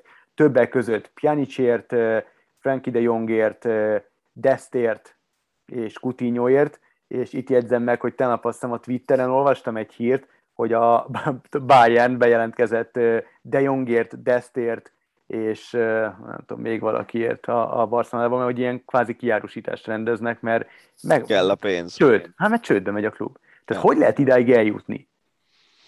Hát, hogy lehet valaki ennyire optimista? De nem is optimista, hanem egész egyszerűen tényleg, mint hogyha nem, mint hogyha, nem tudom, hogy hatodikos szintű matek. Ja. Órákat kellett ja, volna venni, hogy melyik szám nagyobb, mint a másik, és hogyha kettőt összeadsz, akkor abból mi lesz? Tehát, e, e, egészen Döbbenet, értetetlen, és, és hát tényleg ugye valószínűleg az előző elnök a bőriben fogja végezni majd, nem emiatt, hanem mert ott is azért a Höneszféle vonalat sikerült vinni az adóhatóságokkal szemben. Látod, van, amit a Bayern-től lopunk el. Csak a legnagyobbaktól érdemes.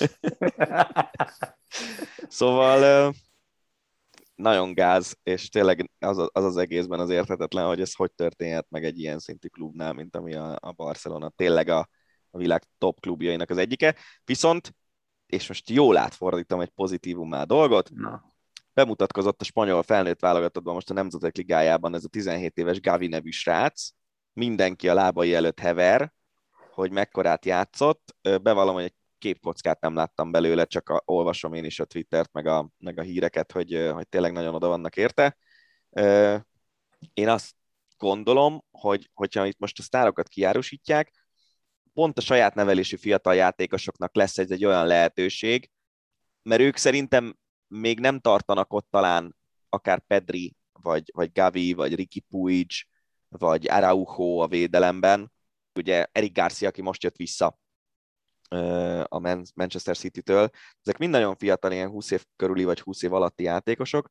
Nem hiszem, hogy tartanak ott, hogy ők, ők rengeteg sok pénzt tudnak keresni máshol, és a Barszában meg, meg szegénye, szegényen fognak élni. Szóval lehet, hogy ezek a srácok majd az új Barca domináns érának lesznek az alapemberei, az Iniesták, meg a Csavik, meg a Pujolok most, most megkapják majd a lehetőséget, hogy nagyon fiatalon oda kerülnek a nagy csapatba. Úgy legyen, mert azért az a Barcelona. A Barcelonában ezt szerettem, tehát hogy, hogy, hogy a Barcelona szerintem az identitását az ezt jelenti. Hát mindig és, voltak. És ettől mindig nagyon, voltak, így van, és ettől nagyon messze kerültek saját nevelésű játékosok a csapatban. Pont ezen gondolkoztam amúgy, hogy, hogy ugye Piqué, ő, ő abszolút ez a vonal, de azért ő a Manchester United-be uh-huh. elment egy pár évre, még ugye akkor volt az, hogy a, az angoloknál az volt a szabály, hogy 16 év fölött már profi szerződést lehetett adni egy játékosnak, Spanyolországban meg csak 18 év fölött, és ugye Piqué, Fabregas, egy csomó olyan játékos volt, aki, aki 16 évesen már kiment Angliába játszani, mert ott sokkal több pénzt lehetett keresni. Szóval Piqué ilyen volt, Busquets ugye az egész karrierjét a Barszában tolta le, bár őszintén szólva azért, hát nem vagyok egy Busquets fan. De hogy utánuk már nem nagyon van. Ugye Sergi Roberto került föl, de nem nagyon tudta magát beküzdeni igazán a, a, a nagy nevek közé. Szóval egy pár évig nem nagyon volt ilyen játékos, aki megjött, ott volt a, az alapcsapatban, jól játszott, hátán vitte a Barszát, és most lehet, hogy ezek a fiatal srácok majd ilyenek lesznek. Félig meddig kényszerűségből, de, de talán ez hosszú távon nem lesz olyan negatív ez a dolog. Na akkor még egy focisír. Marcus Rashford a brit birodalom rendjének tagja, díszdoktori címet kapott a Manchesteri Egyetem jóvoltából. Egy különleges ceremónián keretén belül adták át neki ezt a rangos elismerést, amit többek között azért is kapott, mert folyamatosan, folyamatosan jótékonysági tevékenységeket folytat, és a szegény gyermekek étkeztetésért kampányolt. Az nagyon nagyot ment az a kampány, uh-huh. és és ennek köszönhetően kapta meg ezt a, ezt a rangos elismerést, nagyon fiatalon, egy nagyon érett személyiség, Marcus Rashford, és példaértékű, amit, amit tesz a pályán kívül. Igen, és ő is ugye szegénységből jött, és nagyon hamar lett, ugye nagyon gazdag a foci karrierjének köszönhetően. Ugye Covid alatt ő lényegében a... Volt azt hiszem az, hogy, a, hogy voltak olyan iskolák meg óvodák, ahol a, a az étkeztetést nem tudták megoldani, és ugye uh-huh. Angliában is a rászorulók eléggé a kedvezményes áron étkeztethetik ezekben az intézményekben a gyerekeiket, és ezeknek a gyerekeiknek a Covid lezárások miatt ö, nem volt meg a lehetőségük arra, hogy ezt, ezt ö, kihasználják, és nekik biztosított ö, ebédeket lényegében Rashford és az ő alapítványa, meg az ő pénzgyűjtése. Szuper jó dolog, és tényleg annyit beszélünk arról, hogy ez a focista drogozott, a másik bundázik, a harmadik nem tudom mit csinál, hogy, hogy az ilyen Rashford féléket felett meg el, elsíklunk, és, és nem szabad, mert ezek nagyon, nagyon fontos dolgok. Igen, ez példaértékű. Ahogy példaértékű volt Pau Gasol karrierje is, bejelentette visszavonulását a spanyol kosárlabdázás korszakos egyénisége. Ugye a lakers két bajnoki címet ünnepelhetett világbajnokságot, szerintem nem, de világbajnok de, volt, olimpiai ezüst és bronzérmes, háromszor nyert EB-t, hatszor volt az NBA-ben All-Star csapat tagja, tehát egy nagyon-nagyon szép karriert tudhat maga mögött, 41 évesen vonult vissza, hát nem biztos, hogy a csúcson, mert azért a csúcs az máshol volt. De, hát de azért az, hogy a Barszában még elpattogtatsz egy szezont 40 évesen, Igen, Euróliga döntő, így van, és igen, és hát játszhatott Hang Ádámmal, azért az sem akármi. Úgyhogy... igen, végül is. Végül is, igen. Úgy, De mondjuk hogy... játszott szegény Kobe bryant is egy pár évet együtt. Így van, így van, és az, az kár, hogy ezt a visszavonulást nem érhette meg Kobe Bryant. Visszavonultatja a Lakers természetesen Pau Gasol mezét, ez mondjuk a legkevesebb, és ez egy nagyon, nagyon jó dolog. Egy másik kosárlabda hír, már kevésbé ennyire, ennyire feel good, ahogy mondani szoktad, ellenben vicces. Elég feszült volt a, a körment Falkó mérkőzés, a, összeverekedtek a szurkolók az NBA egy alapszakaszának legutóbbi játéknapján, és volt még egy kis, hát nem is fiaskó, de egy ilyen mellékzőnk a mérkőzésen. Az de várjál, az... itt azért egy, egy ilyen disclaimer-t helyezzünk el, hogy ha valaki kisgyerekkel nézi, vagy hallgatja az adásunkat, akkor az, az most kapcsolja Fogja ki, vagy a küldje a ki a gyerek fülét, mert itt azért oké, okay, hogy néha becsúszik egy-egy csúnya szó tőlünk, de ami most jön, az új szintre viszi a dolgot. Igen, szóval miután a, a, ugye itt a szurkolók összeverekedtek, aztán szerencsére sikerült kibékíteni őket, és akkor a, a mérkőzés utolsó másodpercei már lepereghettek, és és befejeződött a meccs, 80-78 nyert a Falkó, de a meccs közben volt egy kis intermezzo, nehezen lendült bele a körmendi csapat, és az edző egy kicsit e, lelkesíteni akarván a játékosait, egy speechbe kezdett, amit idézek, nem is biztos, hogy idézni kéne. Mi a faszom ez a szar, mi ez, mindenki csak nézi, mi történik a pályán, mi van veletek, ők dobtak már 21 pontot, mi meg csak ötöt, nem akartok kosarazni, vagy mi van, komolyan, mi ez a szarakodás, egy rakás tétova beszari mindenki. Hát, a speech megtette a hatását, mert utána fel TV közvetítés volt? Nem tudom, nem tudom, megmondom őszintén, nem tudtam, nem nagyon jutottam tévé elé a, a, a hétvégén, meg, meg mondom őszintén, magyar fosárlabda meccseket nem igazán szoktam nézni. Nem tudom, hogy volt-e. Én úgy tudom, hogy, hogy valamennyire behallatszott a tévébe, de ezt csak olvastam, és ilyen, ilyen kommentszerűségben, úgyhogy erre nem esküszöm meg, de hát figyelj, most úgy vagyok vele, hogy edző és játékosai között szép, nem szép, elhangzik egy ilyen. Persze. Az, hogy mivel tudod motiválni a játékosaidat, azt te tudod, mert te vagy az edző.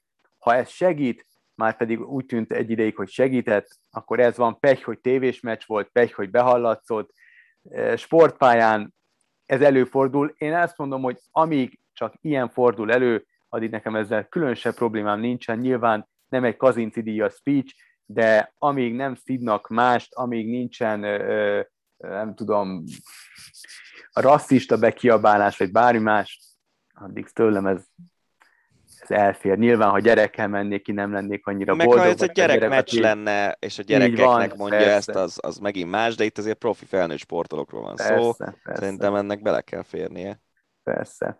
Na hát egy nagyon komoly uh, sportteljesítmény, egészen elképesztő teljesítményen nyerte meg a világ leghosszabb terefutó versenyét Barta László, ultrafutó, aki, kapaszkodjatok meg, 254 óra és 12 perc alatt teljesítette a németországi megarész 1001 kilométeres távját, és 12 órát vert a második helyezetre. Ezek a számok, hát elájulok komolyan. Döbbenet. Ez, ezek, ez... Hát le akar én, én szerintem mindegy is, hogy most mennyivel jobb a másodiknál, meg ilyenek, lefutni, tehát gondoljunk már bele, hogy ezer kilométer. Levezetni egy is. Kiló, hát ez az levezetni is fárasztó, egy kilométert is nehéz futni a legtöbb embernek. Egyet. Így van, így van. Nagyon szóval, komoly, tényleg. Nagyon, tényleg Minden tiszteletünk Barta Lászlói. Gratulálunk, nagyon szép eredmény. Kinek van El... erre ideje? Ez az egy kérdés merült fel, mert nem... hát hogy ilyen 254 óra, az azt jelenti, hogy ez, az gyakorlatilag ugye ilyen több mint két és több mint másfél hét Így van. volt, a, amíg Így lefutotta ezt az ezer kilométert. És azért az durva. Az, az, az. Ja, hát ez igen, ez 10 óra 14 perc gyakorlatilag, vagy 10 nap 10 óra, 10 nap 14 óra, na, csak sikerül kimatekoznom. Jó, hogy az előbb a hatodikos mateket mondtam a Barca kapcsán, most a harmadikkal is van gond. Késő van már. Na, szóval eh, igen, tehát 10, 10 nap, 14 óra, 12 perc, az azt jelenti, hogy napi százas. Van egy csapattársam, aki mostanában elkezdett ilyen ultrafutásokat csinálni, de két hete nem volt edzésem, mert lefutott egy százas, egy darab százas ultrafutást. Szuper az is elképesztő. Jézus az is elképesztő, teljesen. Hihetetlen. Mindegy. Igen, amikor mi kajakoztam, akkor, akkor részt, részt kellett vennünk versenyzői csoportnak olimpiai öt próbán, és, és mindenki választhatott, hogy mit úszik, fut, vagy mit kerékpározik, és én végül a kerékpárt választottam, és a maratontávot kellett lekerékpároznunk. Hát én azt hittem, hogy belehalok már a végén. 42 kilométerbe? Hm? 42 hát kilométerbe? Ja. ja, hát én nem voltam hozzászokva ahhoz, hogy érted, gondolod, a 90-es évek, 90-es évek elején kezdő mountain bike-kal 42 jó, jó, kilométert jó. letekerni, hát úristen, hosszú távon sosem volt, az mindig is a gyengén volt, úgyhogy nem tetszett nagyon. Most úgyhogy, szerintem, hogyha eljönnél velem bringázni, akkor meg se Hát lehet, hogy már ezekkel a biciklikkel lehet, hogy meg lehet, hogy most edzette vagyok, mint akkor voltam. Ki tudja. Azt nem tudom. Na, Forma 1.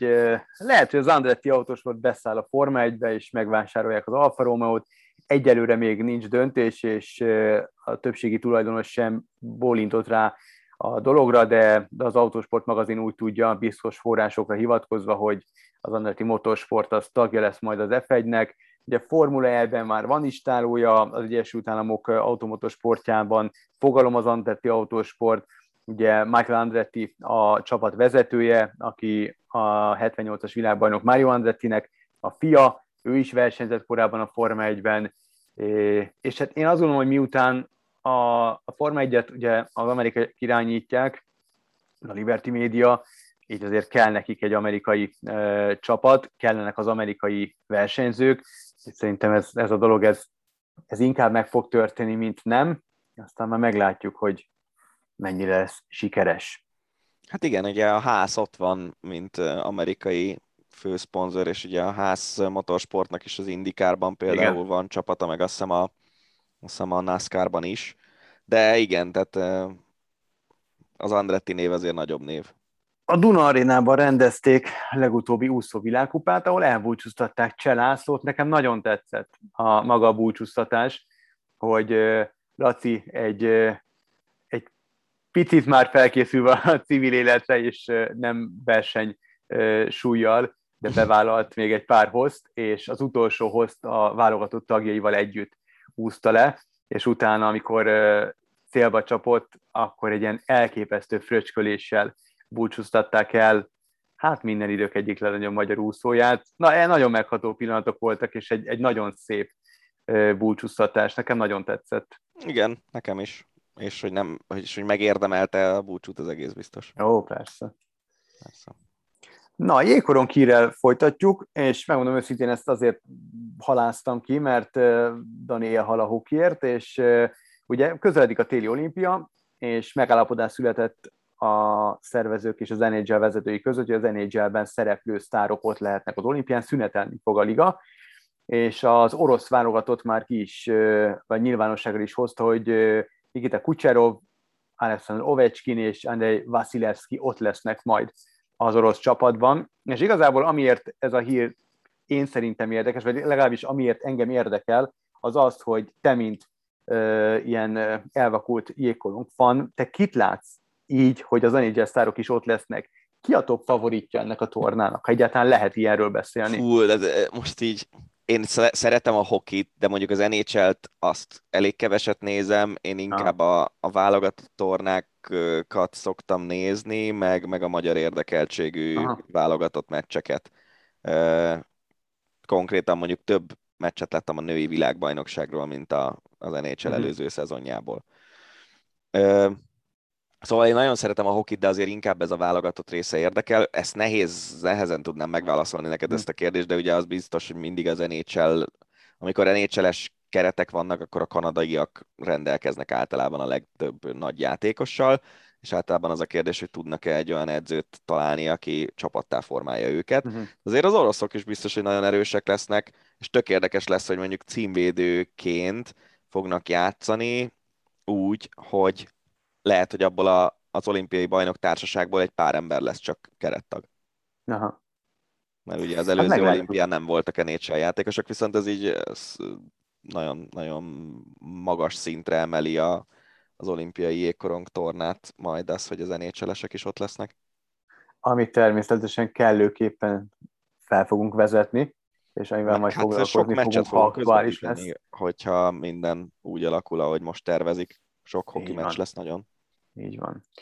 Nem annyira örömteli hírek következnek testépítés világából. A Bild számolt be róla, hogy holtan találták rá a világ egyik legismertebb testépítőjére, George Petersonra, az orlandói hotelszobájában, 37. életévében elhunyt amerikai versenyző, éppen a Mr. Olimpiára készült. Nem igaz, nem tudják egyelőre, hogy mi okoztatta a halálát. Ami nyilván a szomorú hír miatt is került be a rovatba, illetve én a napokban néztem meg a Netflixen a Ronnie Colemanrel szóló ö, dokumentumfilmet. Ronnie Coleman egy nyolcszoros Mr. Olympia győztes testépítő, aki sokak szerint, többek között Arnold Schwarzenegger szerint is a valaha volt legnagyobb testépítő. Érdekes, hogy Ronnie Coleman mert pont, pont Arnoldot tartja a legnagyobbnak, és az ő életútját mutatja be, ami jelen pillanat elég szomorú, mert hogy Mankóval is alig tud járni, egy nagyon komoly kb. 600. sérülése van, csípőműtétek, egész sora, mindenféle baja van, ez mutatja, hogy mennyire igénybe veszi az embert ez a sportág, meg, meg a mellékhatásai. és mindenkinek csak ajánlani tudom igazából azt a, azt a dokumentumfilmet, mert egyrészt nagyon megindító, másrészt pedig nagyon sok oldalról mutatja be ezt a sportot. Úgyhogy... Hát azt tudjuk, ez... hogy azért az, ez is azon sportok közé tartozik, amik nem egészségesek abból a szempontból, hogy az a fajta munka, amit bele kell tenni ahhoz, hogy eljuss erre a szintre, az sokkal nagyobb, mint amit a szervezet természetesen fel szeretne dolgozni. Tehát az, hát hogy Mankóval, Mankóval alig tud járni egy egykori testépítő, arra azon nem lepődök meg. Az, hogy miért hal meg valaki 36 évesen, az már egy másik kérdés, főleg úgy, hogy én is 36 hát, éves vagyok, és ezek mindig kicsit letaglóznak, amikor korombeli emberek haláláról beszélgetek. Igen, hát itt, itt, itt annyi, minden, annyi mindenre lehet gondolni, természetesen. Mindegy, tragédia, szörnyű. Doping, a Nemzetközi Doping ellenes ügynökség ismét felfüggesztette a moszkvai laboratórium működését. Nem lehet, hogy azt, azt, azt, kéne így bezárni és behinteni sóval? Nem, nem, ez nem az a kategória? Lehet amúgy, lehet. Pont, hogy most közeledik a téli olimpia, érdekes, mert megint jön egy ilyen, ilyen hír. Hát egyszerűen nem, tehát tavaly januárban a Nemzetközi Szervezet már felfüggesztette ideglenesen a, a labort, azt követően, hogy ugye laboratóriumi eredmények manipulálása, manipulása, manipulálásával vádolták a, a, ezt a labort, meg, megkaptak egy négy éves eltiltást, és valahogy továbbra sem tudják megfelelően működtetni ezt a szerintem tényleg, labort. Én, én szerintem ezt be kéne záratni. Tehát ott a, a, olyan dolgokra derült fény, titkos alagutak, meg ilyenek. Hát, igen, ez, melyik volt ez a Ikaros talán? Az, az, az a Netflix dokumentum, az is a Netflix-en a dokumentum Azt film. hiszem, hogy Ikar, Ikarus. Igen, de Ikarus. Mindegy is. Hát azt is csak ajánlani tudom, elképesztő. Az, az, az tényleg a, a legvadak krimikben lát az ember, az ilyen, tudod, volt ilyen a, talán a, a valamelyik kolumbiai drogbáró életét bemutató dokumentumfilmben, ahol... Az elcsapóban. Jelcsapóban, így van, ahol alagutat ástak a két ország között, hogy, hogy ki, kikerüljék a határőröket. Itt is ugyanaz volt, hogy a két szoba között ütöttek egy falat, elé toltak egy szekrény, mennyire banális, Röhely. és, és ott mászkáltak át, meghamisítva, meg manipulálva a, a különböző mintákat. Elképesztő. Elképesztő. A labornak amúgy 21 nap áll rendelkezésére, hogy fellebezzen, és és nem tudom, nem, nem tudom ebből az ügyből mit lehet még kihozni igazából, de egy kabaré. Szerintem tényleg ez a, ez a doping labor tett annyit azért, hogy bezárják. Így van. Egy, a végére pedig egy, egy magyar vonatkozású jó hír, Portugáliában zajló snooker Európa-bajnokság első versenyszáma rögtön óriási magyar sikert hozott, ugyanis Révész Bulcsú megszerezte a bronzérmet az U18-asok versenyében, ahol a másik magyar induló Nagy Erik is nagyszerűen szerepelt, 17 éves győri játékos tovább jutott, a 32 között búcsúzott. Hát ahhoz képest, hogy azért messze nem lehet tradicionális magyar sportáként apostrofálni a snookert, ezek elképesztő eredmények, búcsúnak ez már nem az első nagy eredménye. De ő ráadásul fiatal, és, még mindig nem? Hány igen, éves ő most? Igen, 15 igen, igen. körül? Hát, már szerintem 15-16 lehet. Szerintem, igen, szerintem most, most talán most, most megy középiskolába, tehát ilyen 14-15-16 éves lehet Bulcsú. Egyszer szerepelt, emlékszem nálunk a rádióban is, és készítettünk vele egy ilyen portré műsort, nagyon szimpatikus, nagyon kommunikatív, nagyon, nagyon, nagyon nyitott srácként ismertem meg, vagy ismertük meg, és nagyon komoly eredményeket ért már el. Úgyhogy gratulálunk ez a nagyszerű sikerhez, és további hasonló sikereket kívánunk. 14 éves bulcsú. Ez tök durva, én azt hittem, hogy idősebb már. Ja, hát akkor... Igen, és azért egy U10, ezt akartam mondani, hogy egy U18-as Európa-bajnokságon bronzérmet szerezni 14 évesen, az, az tényleg egy szép dolog. Igen, és azt akartam még, igen, még ami, ami fontos ezzel a hírrel kapcsolatban, csak hogy, hogy ki nyerte ezt a tornát, az Ben Mertens, egy belga fiatal, aki, aki már szerepelt világbajnokságon, és meccset is nyert a VB-n, ennek gyorsan utána kellett nézem, tehát hogy nem akár kikkel vette fel a versenyt búcsú, azon kívül, hogy nálánál sokkal idősebb játékosokkal. Tehát tényleg még egyszer hatalmas gratuláció, és csak így tovább. Ezek nagyszerű eredmények. Ennyi volt erre a hétre az Ácsi. Jövő héten is jelentkezünk, hasonlóan érdekes hírekkel. Dév és Farkasvegyi Gábor találtátok. Sziasztok! Ez volt a Hosszabbítás, az Eurosport podcastje. A műsor témáiról bővebben is olvashattok honlapunkon az eurosport.hu.